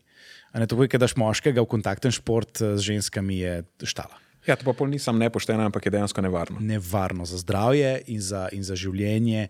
In, um, ampak jaz mislim, da dokler v teh športih ženske, ki tam tekmujejo, ne bodo imele toliko poguma, da zelo očitni stvari, ne, zelo očitnemu Bobu rečejo, Bob dejansko um, se ne bo nad spremenil. In je, jaz priznam, da kar z mal privoščljivosti gledam, kako se v bistvu ženski šport uničuje, ker se mi zdi, da se naša družba premakne nekam sam, ker dovolj ženskam nekaj ni fajn. Rečejo, hej. Fanti, dajte malo to zrihtati, no. to je vas že, to gre pa čez meje. Uh, in dokler se bo mi dopratožvali, se ne bo nad Se ne bo nič spremenilo. Ne, no fucking way. Morajo ženske popizditi, pa se stvari premaknejo. Dejstvo. Um, Se to je uno, zato smo dobili kvote ne, v, na, na vodilnih položajih, med smetarji pa še ni. ja, ja. Vseh teh, vseh teh zelo rudarji, noben ne vidiš, ne, vem, ne vidiš pred parlamentom, da se pritožujejo, da ni dovolj uh, ženskih rudark. Ne, ne, ne, ni dovolj ženskih CEO-jev. Uh, veliko je tega interpleja politike, pa fu zanimivo, politike pa biologije. Veliko se na tem področju dogaja, veliko prihaja um, v neke te, veš, v neko to trdo znanost, prihajajo koncepti iz uh, nekih mehkih znanosti, iz filozofije. Um, in i- mi je res zanimivo, da v bistvu pri prehrani se to najbolj čuti, pa se zdaj vrnemo spet na začetek, pri veganstvu. Kjer imaš um, v bistvu eh, religijske na obeh, elemente. Na obeh ekstremih, po moje, se to zdaj začenja čutiti. Nekoč se je bolj pri veganstvu, zdaj pa že imaš tudi na tej drugi strani, kjer so karnivori in low carberi. Mislim, da tudi se pogosteje poistovetijo z določenimi pogledi na svet. So bolj, mm. -hmm. bolj so neki libertarci, dostkrat ali pa. Meni je fuz zanimivo. Jaz sem v, libertar, v libertarstvo prišel v bistvu preko prehrane. Jaz sem bil prej tako liberalc v gimnaziji, že kar mal komunist. In potem sem nekako odkril um, prehrano, fizično aktivnost in prek um, poslušanja, recimo, predvsem Roba Wolfa, uh, ki je potem začel um, z Davom Dulijem, sta imela en podcast, uh, kako je že bil. Uh, neki, neki Amerika, 50 Ways to Save America, ali nekaj tasga. In ona sta v bistvu, nisem zihar čisto, kako je uh, naslov. In ona, sta v bistvu oba full libertarca.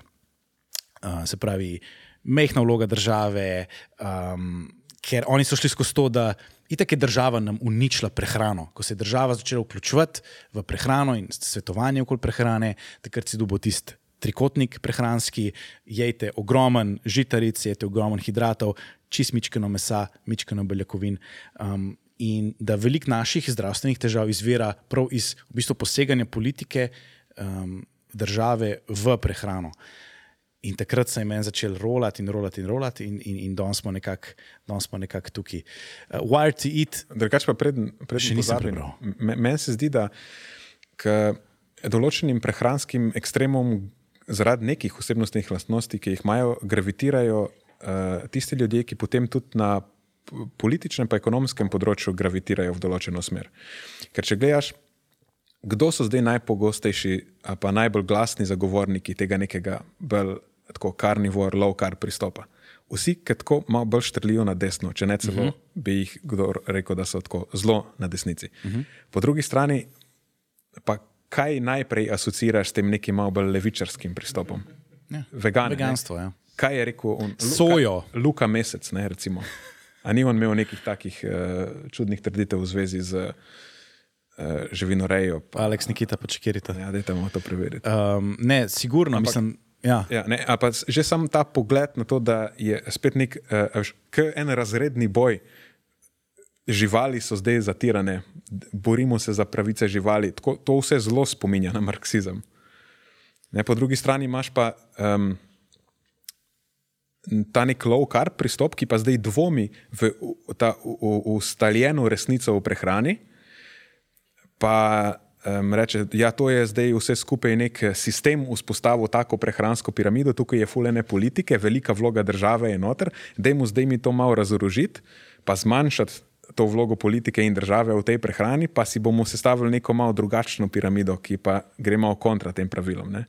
Zelo, zelo podobno, recimo, kot libertarci ali pa vsi tisti, ki pravijo, da ima več prostega trga, pa tako bi moglo tukaj biti noter. Ja, to je. V bistvu je zelo dober point, je, da. Um, to, to sem mislil prej rekel, ne, s- je manje čebelam, tisto prigarano, prigar, prigarane um, sadeže njihovega dela. Um, a, a ljudje smo sposobni kaj, v kaj ne uplesti politiko? A mo, tudi kaj daješ v usta, rata političen statement. In to je spet v bistvu izhaja ful iz levičarstva. Je, um, vse je politično, everything is political. Ne vem točno, kateri filozof je, eh, je to trdil. Um, ampak, veš, the personal is political. Vse, kar delaš, je, je, je politika, vse odraža to politiko. In, ah, fucking, Sam, pogledi, pogledi na svet so. sam rad bi jedel krov. Zakaj? Vse, kar delaš, mislim, tvoje dejanja odražajo tvoje poglede na svet. Tvoje politično dejstvovanje je odvisno od tega, kaj ti misliš o svetu. In tvoja prehrana je odvisna od tega, kaj ti misliš o svetu. In kako se obnašaš do ljudi, ali pa kje ljudi eh, sprejemaš, kot da kje smatraš za več vredne, pa za manj vredne, je odvisno od tega, kako ti gledaš na svet. In mislim, da neki pač te stvari so povezane med sabo. Ni tako, da politika vpliva na tvojo prehrano, ampak je tvoj pogled na svet vpliva in na politiko, in na prehrano, in na to, kako se obnašaš do sveta. In pol vse to, pri vseh teh stvareh lahko najdeš neke skupne točke. Ja, in, in gre res v obe smeri. Pri meni je šlo recimo iz hrane v politiko, verjamem pa, da veliko ljudi iz politike potem začne razmišljati tudi o, o prehrani na tak način.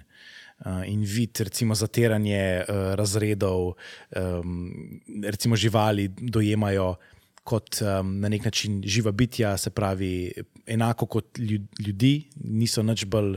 Ljudje nismo nič bolj posebna bitja, kot so živali, zato tudi živali rabijo pravice, zato jih ne smemo ubijati, ker je to čisto isto, um, kot če bi ubil človeka, ampak hej, um, mej, kakorkoli hočeš uh, splaval, to je totalno ložit. Um, take inkonsistence mal med, uh, med, med nekimi temi verovanji. In, um, women's liberation, a iz tle izhaja um, the personal is political, a ne? A je to Bell, ni Bell Hooks, kdo je to? A, to je ena gospa, pot se tako izrazil. Um, Zdaj ne vidim tukaj, sem na Ja. Notes from the sem Second Year. je en Kdo je? Nisem na, zdaj, zdaj pa se ne vidi, kdo je napisal to dejansko. The original feminist theory paper, ja, iz feminizma je to izhaja. Um, ja, slabo vidim, Carol Heinz, Heinz? se ni važno. Um,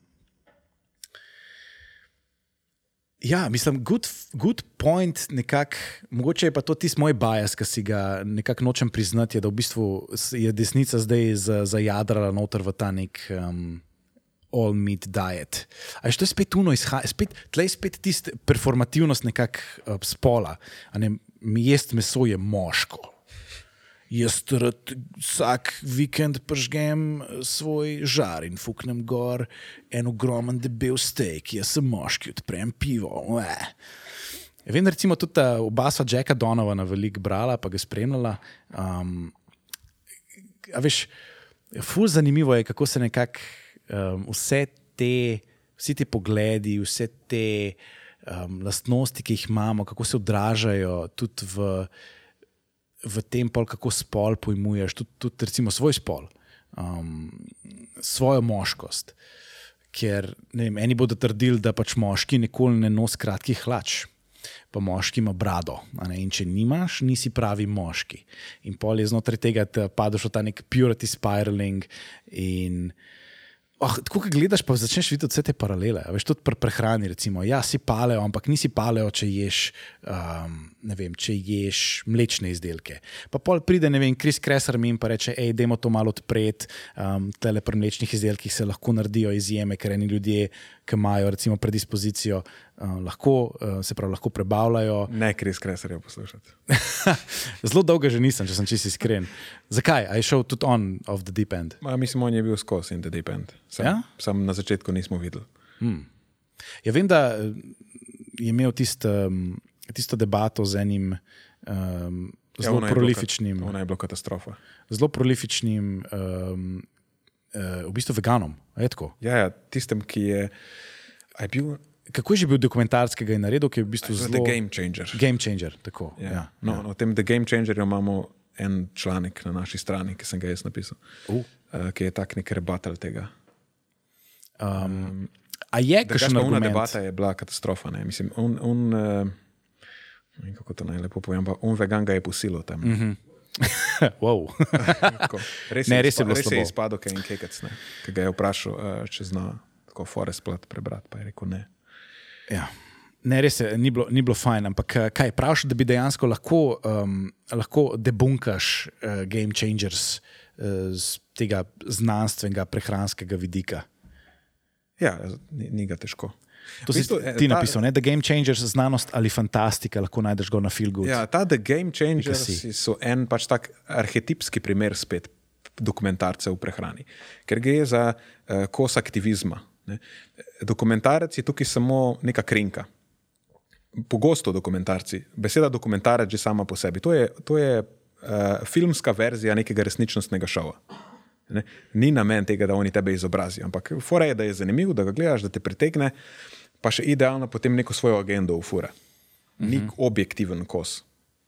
In tudi uporablja klasične, tudi ta neke klasične taktike zavajanja, bi temu rekli, tako kot vsi ostali dokumentarci v prehrani.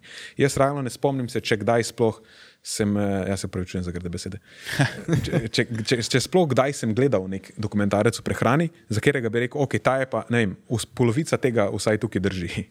A pa, Um, Če smem, jaz sem tle skočiti noter. Uh, nam so v osnovni šoli kazali dokumentarc un Super Size Me, veš, kaj je en mesec ali Ja, ja, ja. sam v Meku jedu in je pol ratu full debel, veš. Ne? Ja, ja. In čez čas pol izveš, da je to complete bullshit. Ne? ja, ja. Ker tudi on je imel svojo agendo. Uh, mm, ker, ker mislim, da je bil tudi uh, protidokumentarc posnet, kjer so pa dejansko v bistvu se mi zdi, je Celo izboljšal je, ja. shujšal je pa je izboljšal se- je krvno to se- sliko z McDonald'som. Ja, to se ponavadi zgodi. Uh, neugoden presnovni profil, pač poslabšani markerji kardiovaskularnega pa presnovnega zdravja, so ponavadi posledica prekomerne zamaščenosti. Ne, niso, tako kot smo prej govorili o cukru, pa o predelanih živilih, ni to, da zdaj ta živila sama po sebi na te ful neugodno vplivajo. Mm. Ampak je to, da ti s temi živili pridobivaš odvečno maščobo in ta odvečna maščoba je potem tista, ki v bistvu povzroča neugodno presnovno stanje. In če ti to odvečno maščobo zgubiš, se stanje normalizira. Je to v praksi vedno vidimo. Mm. Ko pridejo tudi k nam ljudje, ki jemljajo zdravila proti holesterolu, pač imajo povišene ravni holesterola v krvi, in vedno, ko zgubijo odvečno maščobo, ne bom rekel vedno, ker ni čisto korektno, ampak v večini primerov se jim potem tudi stanje normalizira. Nenad, da mi sem še povej. Kaj, če bi moral en ta mit porušiti, kaj bi ta mit bil? A misliš v prehrani? Ja. Pa, mislim, prej smo se pogovarjali o tem sladkorju. Mislim, da je to zdaj najbolj aktualno, da bi, da bi to porušil zdaj. Um, ja.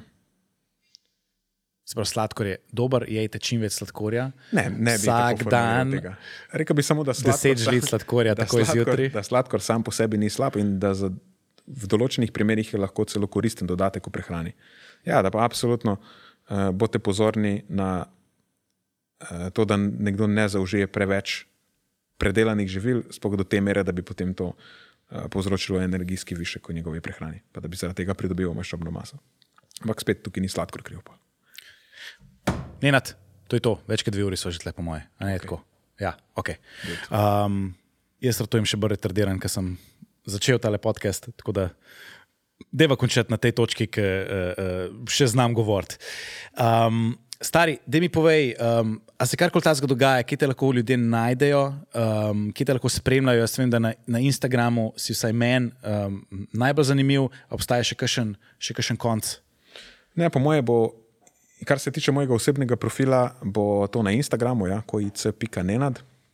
Uh, drugač pa eh, profesionalno to, kar delamo, pa lahko spremljate na, uh, v bistvu na našem Instagram profilu, ki je feelgood.si, pa na Facebook profilu, ki je feelgood.si, a pa na naši spletni strani, ki je pa feelpomišljajgood.si. Tako To da je to. je vse aktualno, kar se dogaja. Ampak seveda, nič, kar sem danes povedal, ne odraža mnenja in stališč podjetja. To Vse sem uh, govoril uh, kot uh, fizična oseba.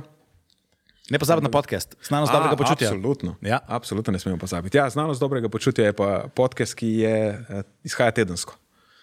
Uh, v, v vsaki sezoni imamo mesec, pa še malo pauze, uh, tako da naslednja pauza bo pri 104. Hudo, se pravi, že v bistvu dve leti ste zelo aktivni. Ja, tako je. V bistvu sva, smo presenetili sami sebe. Bravo. Evo jih, prehranski Avengers, da je nazaj to sliko, da vidimo to. Letono. Vsi so. Vsi so tako lepi, pa še eno transbebo imajo. Backstreet Boys. Tako, to je to. Sam ne tekmovati uh, z, z ženskami, za res.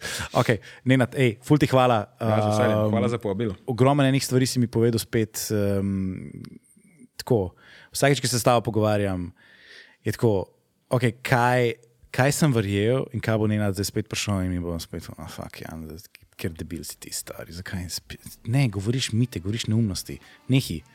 Sladkor je dobro za te, ok. Zakaj ne ješ glutena? Petoret.